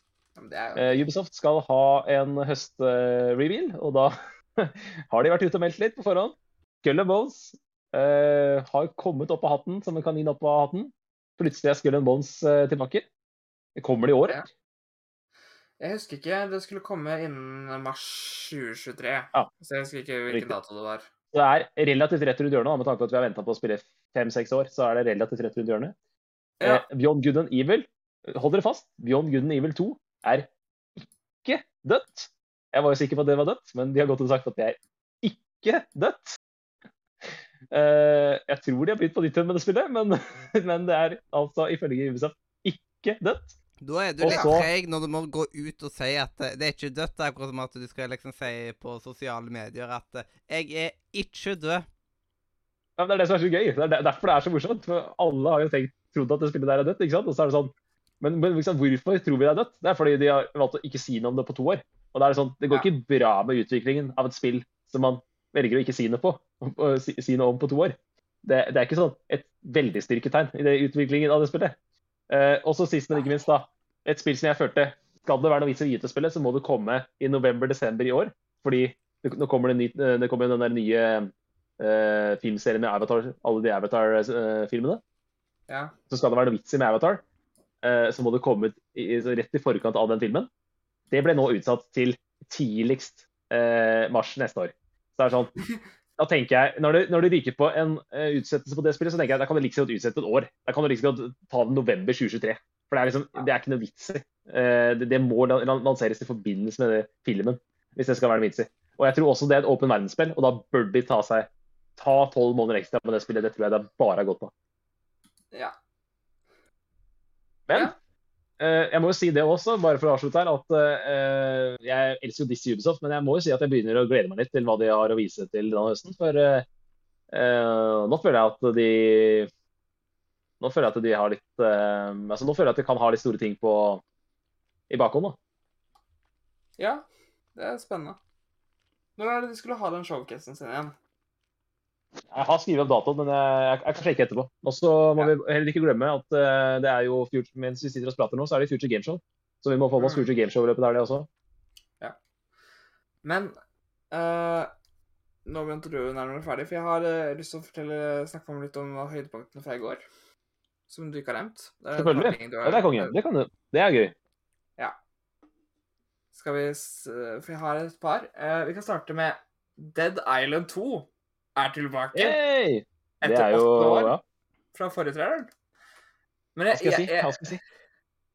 det er én ting jeg lurer på. Fordi at i sommer kom Goat Simulator 3 med en trailer som var en joke og var liksom en parodi på Dead Island 2-traileren. Og det er samme år som de på en måte kommer tilbake. Det, jeg lurer på om det er tilfeldig. Det virker liksom sånn Hva er oddsen for det? Hvis jeg skal være helt ærlig, så det høres for godt ut til å være sant, men det er 100 tilfeldig. Jeg tror det er det. Ja, for det høres jo ut som eh, det, er, det må jo være tilfeldig, for det gir jo ingen mening at de skal samarbeide. Men jeg syns det er veldig gøy, da. Eh, At de bare plutselig vekker opp igjen livet fra det der en to. Eh, De Ja, altså det var, jeg, trodde, altså, jeg, jeg satt jo Jeg husker ikke helt hvorfor jeg ikke så på i går, men jeg skulle bare sjekke hvor de var i streamen før jeg skulle sove. da. Skulle se Ja. ti minutter på senga. Og da, liksom, da kom jeg midt i at det står eh, at det er to mennesker står på scenen, og så står det Dead Island 2 bak. Da tenkte jeg bare Er det 1. april i dag? Er, er det virkelig? Men Hæ? Det er jo ikke 1. april i dag. De er Utsatt. Men nei, det er men enda mer eh, overraskende når du tar og ja. lurer noe når det ikke er 1. april. Ja. og det, ja, Nei, jeg da, da skjønte litt Men uh, det fikk også lanseringsdato. Jeg husker ikke den i hodet nå. Eh, men uh, den kommer ut uh, i starten av neste år. Jeg tror det var februar neste år. Så Eh, bare kjapt innspill her, Øystein. Jeg tror Ubisoft er eh, 10.9. kult. Det er ikke lenge til. Nei, det er jo faktisk ikke det. Eh, ellers så har vi et spill eh, som heter Word Song, som er litt kult, fordi det er et uh, sånn rollespill, eh, eventyrgreie, open world-ting. Eh, men det første de starta med, var liksom å vise hvem som jobber på det. Og det er liksom folk fra Fallout 3 og 4 og New Vegas og Skyrim og eh, Dragon Age og eh, The Outer Worlds. Det er liksom Det er det de har samla teamet sitt fra. Så det er jo tydeligvis folk som kan den sjangeren. Så jeg er litt spent på De viser en litt sånn kul trailer. Det var bare, det var bare cinematic. Det så veldig pent ut. Ja. Men et, et, verd- et nytt spill fra dem, det, det kan være spennende. Eh, ellers så har jo norske Funcom han, Funcom eh, eh, Norske Funcom har eh, vist en trailer fra sitt nye MMO eh, basert på Dune. Det skal være et Ja. eh, jeg vet ikke om dere har sett eller lest noe fra Dune-universet? Nei, ingenting, faktisk. Og så kanskje det spillet jeg var mest gira på i går, er et spill som heter Where Winds uh, Meet. Uh, og det er basically Det ser ut som Ghost of uh, Tsushima satt til Kina. Oi. Nice, Det- nice. Eh, Konge. Jeg anbefaler å sjekke ut den traileren eh, hvis dere ikke har gjort det allerede. Det spillet ser så sjukt pent ut.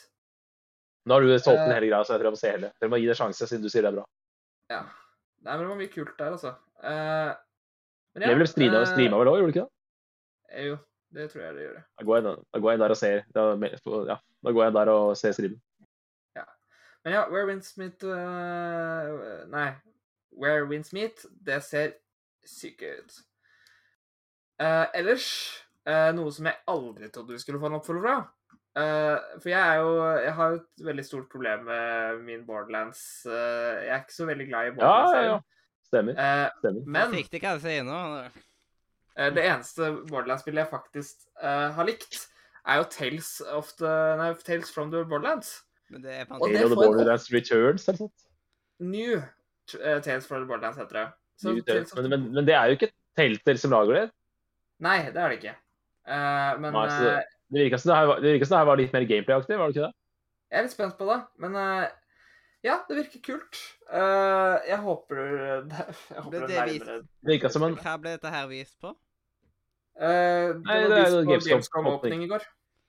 for- det er jo- nå er så- Det er jo stream, det er jo stream hele uka, Mathias. Det er jo, Ja. I går var det opening night, og så er det Det er I dag er det Future Game Show, og i morgen er det Microsoft. Gamescom er vel Er ikke det jeg, For det er jo egentlig det Det er vel større enn E3, Det er egentlig. Det er det største ja, E3 er for Eter er for bransjen, altså journalister og sånt, mens eh, Gamescom Ja. er for massen. I Tyskland, så det er ikke så langt unna hvis man har lyst til å ta besøk. Ja, Det det er jo ikke det. Men det er jo det med at uh, når det er mest folk der også, så er det jo ikke sånn Det er ikke nødvendigvis da det er morsomst å dra her. Yes. Men, uh, men ja. Uh, New Tales from the Wordlands eh, I hvert fall virker det som at det er veldig sånn De viste ikke noe særlig gameplay fra det, så jeg vet ikke helt hva det er, men det virker jo som at de, siden de tydeligvis markedsfører som et Tales from the Borderlands, at det er mer den typen story-fokusert, som jeg liker. For jeg syns skyting Det virker som det er en blanding av de to. Det virker som det er liksom eh, fortsetter litt storyen fra Tales of the Borderlands, men Ja. med gameplay fra vanlig Borderlands-spill. Det virker som det er en sånn god blanding av de to. Ja. Jeg er spent på hva det blir, men jeg syns i hvert fall eh, det så gøy ut. Og jeg Og det er er klart, spent kan, var, det, var det spillet et, et New Tales from the Borderlands? Ja. Ja, Du, du kaller jo ikke spillet ditt uh, for det hvis du ikke på en måte vil bli sammenligna med Tales from the Borderlands, så det er jo tegn på at Nei, det er eh, også du må jo ha noe det er jo- Det er jo ikke, Ja. det er ikke liksom Borderlands 4, det er liksom Borderlands uh, Altså det er Tales from the Borderlands 2, på en måte. Det er liksom det det er oppfølger til, så jeg regner med at det er nærmere der. Eh, Absolutt. Helt enig. Ja. nei, ellers så Ellers så kommer det Lord of the Fallen får en oppfølger som heter Lords of the Fallen. Såpass, Det da. De har lagt de har lagt- Det, Eh, de, de har lagt til en S. det var litt eller- merkelig, syns jeg. det blir, Jeg- som jeg- jeg dig, det- det Diglett som blir til Døg Trio der. Det, det kom Ja. bare to ekstra kompiser, så Men jeg synes også det er sånn, det er sånn Hvor er det vi putter det? Ja, OK, dette skal ha en oppfølger. Vi må, hvor putter vi det? Vi putter det midt i. Der putter vi på en ekstra S. Lords Eh, of the og Fall. sånn- ja. Skal jeg være helt ærlig, jeg trodde faktisk det forrige spillet het Lords of the Fall. jeg. Også trodde det, eh, men jeg fant ut at det i går. Eh, på grunn av at plutselig kom jo oppfølgeren som heter Lords of the Fall. Men helt Hadde ærlig, Lord, vært litt rart om Lords of the Fallen er en oppfølger til Lords of the Fallen. Det hadde vært litt rart. Vet du hva? Jeg dobbeltsjekka. Uh, begge to heter faktisk Lords of the Fallen. Det Ja, det gjør det. det. Da, så det jeg sa var litt rart, det er det akkurat sånn det er. da. Det er veldig rart. Så Ja, det var jo enda rarere. ja. Og det, så vidt jeg skjønte, så er det en, det er ikke en remake. For det så ikke ut som Lord of the Fallen i det hele tatt. Så kanskje det er en reboot? No, nok et spill som har fått Det er flere spill, altså God of War. Det er flere spill som heter God of War, så nå er det flere spill som heter Lords of the, Lords of the Fallen også. Ja, men God of War har på en måte flere spill også. Foreløpig er alle Lord of the Fallen-spillene uh, heter de Lord of the Fallen. Så det er, på en måte, det er som om alle Star Wars-filmene Kanskje skulle hete Star Wars. Kanskje vi får, eh, kanskje vi får, Blood, kanskje vi får Bloodborne snart også? Ja. Ja, kanskje det, folk har jo så store forhåpninger for Bloodborne 2, så vi bare får Bloodborne. Igjen. Det har ingenting med det første å gjøre. Det, det, jeg nei, men uh, det var de, det var i hvert fall de største tinga jeg uh, syns, da. Det, Det var et par andre ting der òg. Det var jo en av de der utviklerne av GTA. Skulle drive og mekke noe nytt åpent verdensspill. ja, det var altså noe Men ingen vet helt hva det spillet er. Men det, det er jo interessant. Og så var det det derre Det derre rolles, det, det rollespillet også. Det var et rollespill også. Eh, Jeg vet ikke hva du Var det ikke rollespill? Nei, OK. Ja. Da skal jeg finne ut av det. Hva er det siste spillet jeg tenker på.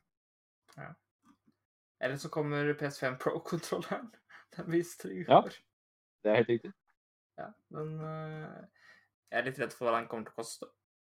Jeg syns skjønne. PSV-kontrollen allerede er dyr. Jeg har to av dem, så jeg vet ikke om jeg trenger en tredje, og i hvert fall ikke hvis den koster altfor mye. Uh, Ellers var det et annet spill jeg syns var litt gøy, Uh, fordi Jeg vet ikke hvorfor jeg syns det er litt gøy, men det er litt sånn De, de markedsførte så mye på at uh, det var et spill som spillerne skulle utvikle, på en måte. Og det syns jeg er litt gøy, for det virker som at uh, Det er sånn oh, De visste ikke helt sant. hva det var. Det, det, nye, det nye spillet, Lords of Fallen-spillet, det heter The Lords of the Fallen. oh, ja, det er det som er forskjellen! Det er lagt igjen det! det! Ja, men da gir det Mm. mening. Folkens. Ja, det gir er veldig mening. Ja. Så det første het bare Lords of the Fallen, og nå heter det The Lords of the Fallen. OK, greit. Ja, men uh, Yeah. oppfølger, det er åpent. Hvis du ser liksom logoen Lord of the Fall, Lords of the Fallen, og så ser du The Lords of the Fallen, så skjønner du hva som er toeren. Absolutt. Hva, hva ellers? Nei, men uh, jeg syns fortsatt traileren så kul ut, da. Selv om navnet var litt rart. Uh, det første Lords of the Fall var ikke så veldig bra, men vi får håpe at uh, oppfølgeren er bedre. Det, det spillet jeg tenkte på, Øystein, det er da Bethesda og altså tidligere ansatte Bethesda og Obsidian, som lager uh, et nytt rollespill som heter Wordsong. Ja, det nevnte jeg i stad. Det sa Ja, jeg det i stad. Ja, konge. Ja, ja, men Det da var det jeg som ikke hørte den. Det var et spill jeg nevnte. De, de starta jo fremkallelsen med å bare nevne at det var folk fra Fallout og Endless Scrolls og Dragon Quest og The Outer Worlds. Og det GTA-spillet GTA-spillet jeg nevnte, det eh, er da Everywhere. Å ja! Det er de som var det GTA-spillet. Gøy. Eh, fordi det var Everywhere jeg tenkte på, som de markedsførte som et spill eh, utviklerne kunne ja, At spillerne kunne utvikle selv. Ja. Så, jeg vet ikke helt hva det blir. Altså, Nei, da vet vi jo Hver gang de på en måte gang markedsfører noe som at dere kan lage dette spillet, så, så lurer jeg liksom på hva er det de skal gjøre. Og, og forrige gang vi så det, var jo eh, Beyond Good Nivel 2. Ja. Ja, de også skulle jo la folk få lov til å lage ting. Dead Island 2 uh, bekrefta 3. februar, en uke før eh, Hogwarts Legacy. Det var 3. februar. Jeg visste at det var februar en gang. Eh, det nevnte jeg i stad, men jeg husker ikke hvilken dato. Og eh, Sonic Frontier fikk også dato. Det skjedde også i går. Ja, stemmer. stemmer. Og det kommer vel Jeg tror det var dagen før God of War.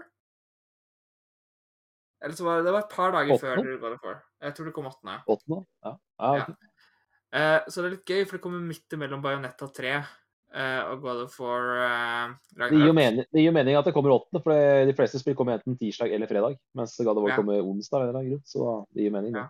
Men jeg syns det er litt morsomt at Fordi jeg, jeg føler liksom at Sonic Frontier har på en måte reklamert seg veldig på at det skal være en multiplattformspill. Det kommer jo både på Switch, PlayStation, Xbox og PC. Uh, Ja. Men uh, det kommer et par dager etter Bayonetta 3. Ha det, alle Switch-folk, liksom. Eh, og så kommer det et par dager før God of War. Eh, Sonic Frontier kommer til å Jeg syns synd på de, da. Jeg vet ikke helt om det er så Jeg vet ikke helt hvem som på en måte velger Sonic Frontier foran God of War, på en måte. Nei, det kan du si. Det, kommet, eh, det er et par andre spill som har kommet òg nå. Eh, et spill som virker veldig interessant, er det der Curious to Golf. Blanding av Rogalight og golfespill. Ja. Det et golfespill som egentlig er en eh, Rogalight. En ting jeg også kom på da vi snakker om det i, i går uh, uh, Goat Simulator 3 fikk endelig gameplay. Ja. Det gjorde det. Ja, men så fikk en gameplay-trailer uh, i går. Og det så jo bare ut som en mer kaosversjon av første, selvfølgelig. Ja. Men eh, det var jo gøy å se det i Ja, action. ja, selvfølgelig. Ja, men eh, det er gøy. Eh, og så må jeg nevne Så det skjedde jo ganske man... mye på de to timene i går, da, kan man si. Det kan vi gjøre nå. Men husker du det, der, husker du det bandspillet? Det der, et, et spill som har fått masse fått 18 trailere, som heter VROFK. Som følger et band. Eh, de er også ute nå.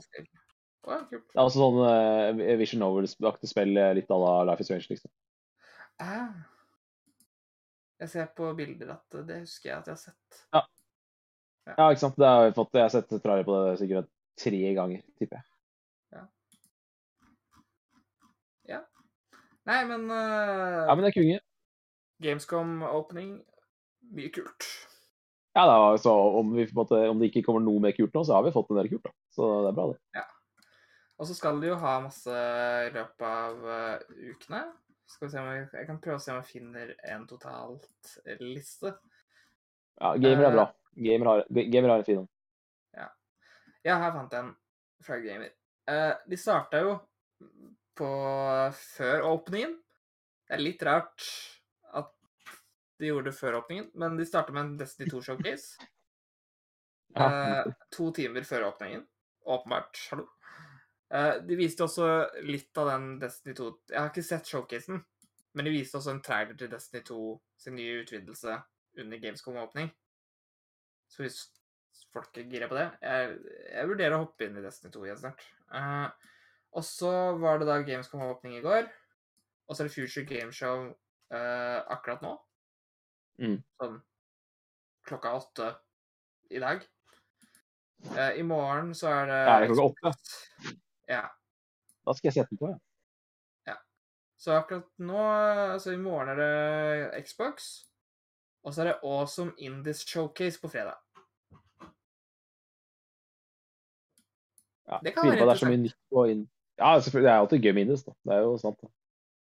Indiespill har mye kult på indie. Men jeg tenker sånn at ja. det var jo så sykt med Indiespill som ble vist fram i sommer, så ja, tviler på at det kommer sånn så mye nytt. Samtidig da, så er jo på en måte indiestudioer er jo, kan jo være alt fra én kar til, eh, til sånn ti stykker. Så det, det er jo mange som Ja. kan drive med indiespill samtidig. Det er jo også et godt poeng at det, det er, kommer alltid nye indiespill. Det er helt sant. Ja. Jeg mener, ett GTA-team kan jo lage 1000 indiespill, liksom. så det er jo mye som kan være på vei. Fordi indiespill har har større problemer å bli published, alt på si, enn å bli utvikla, for det er så mange Men ja. Men jeg tror det, jeg tror det var det. Yes, da har Ja.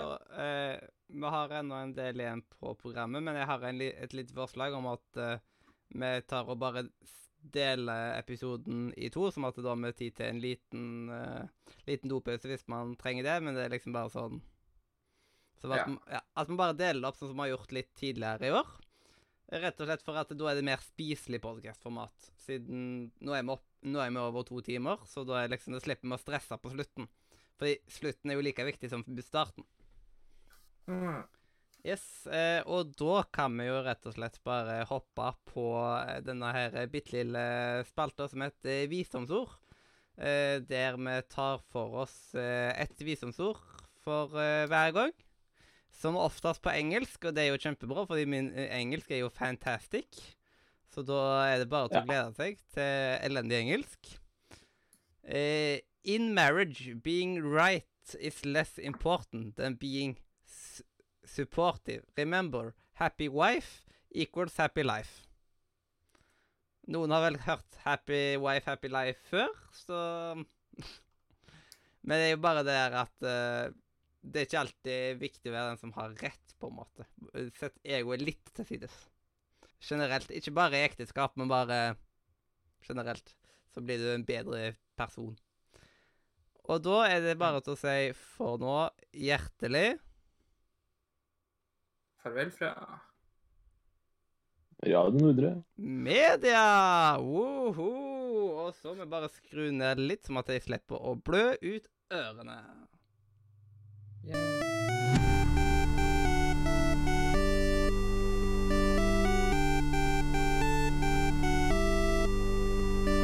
liker um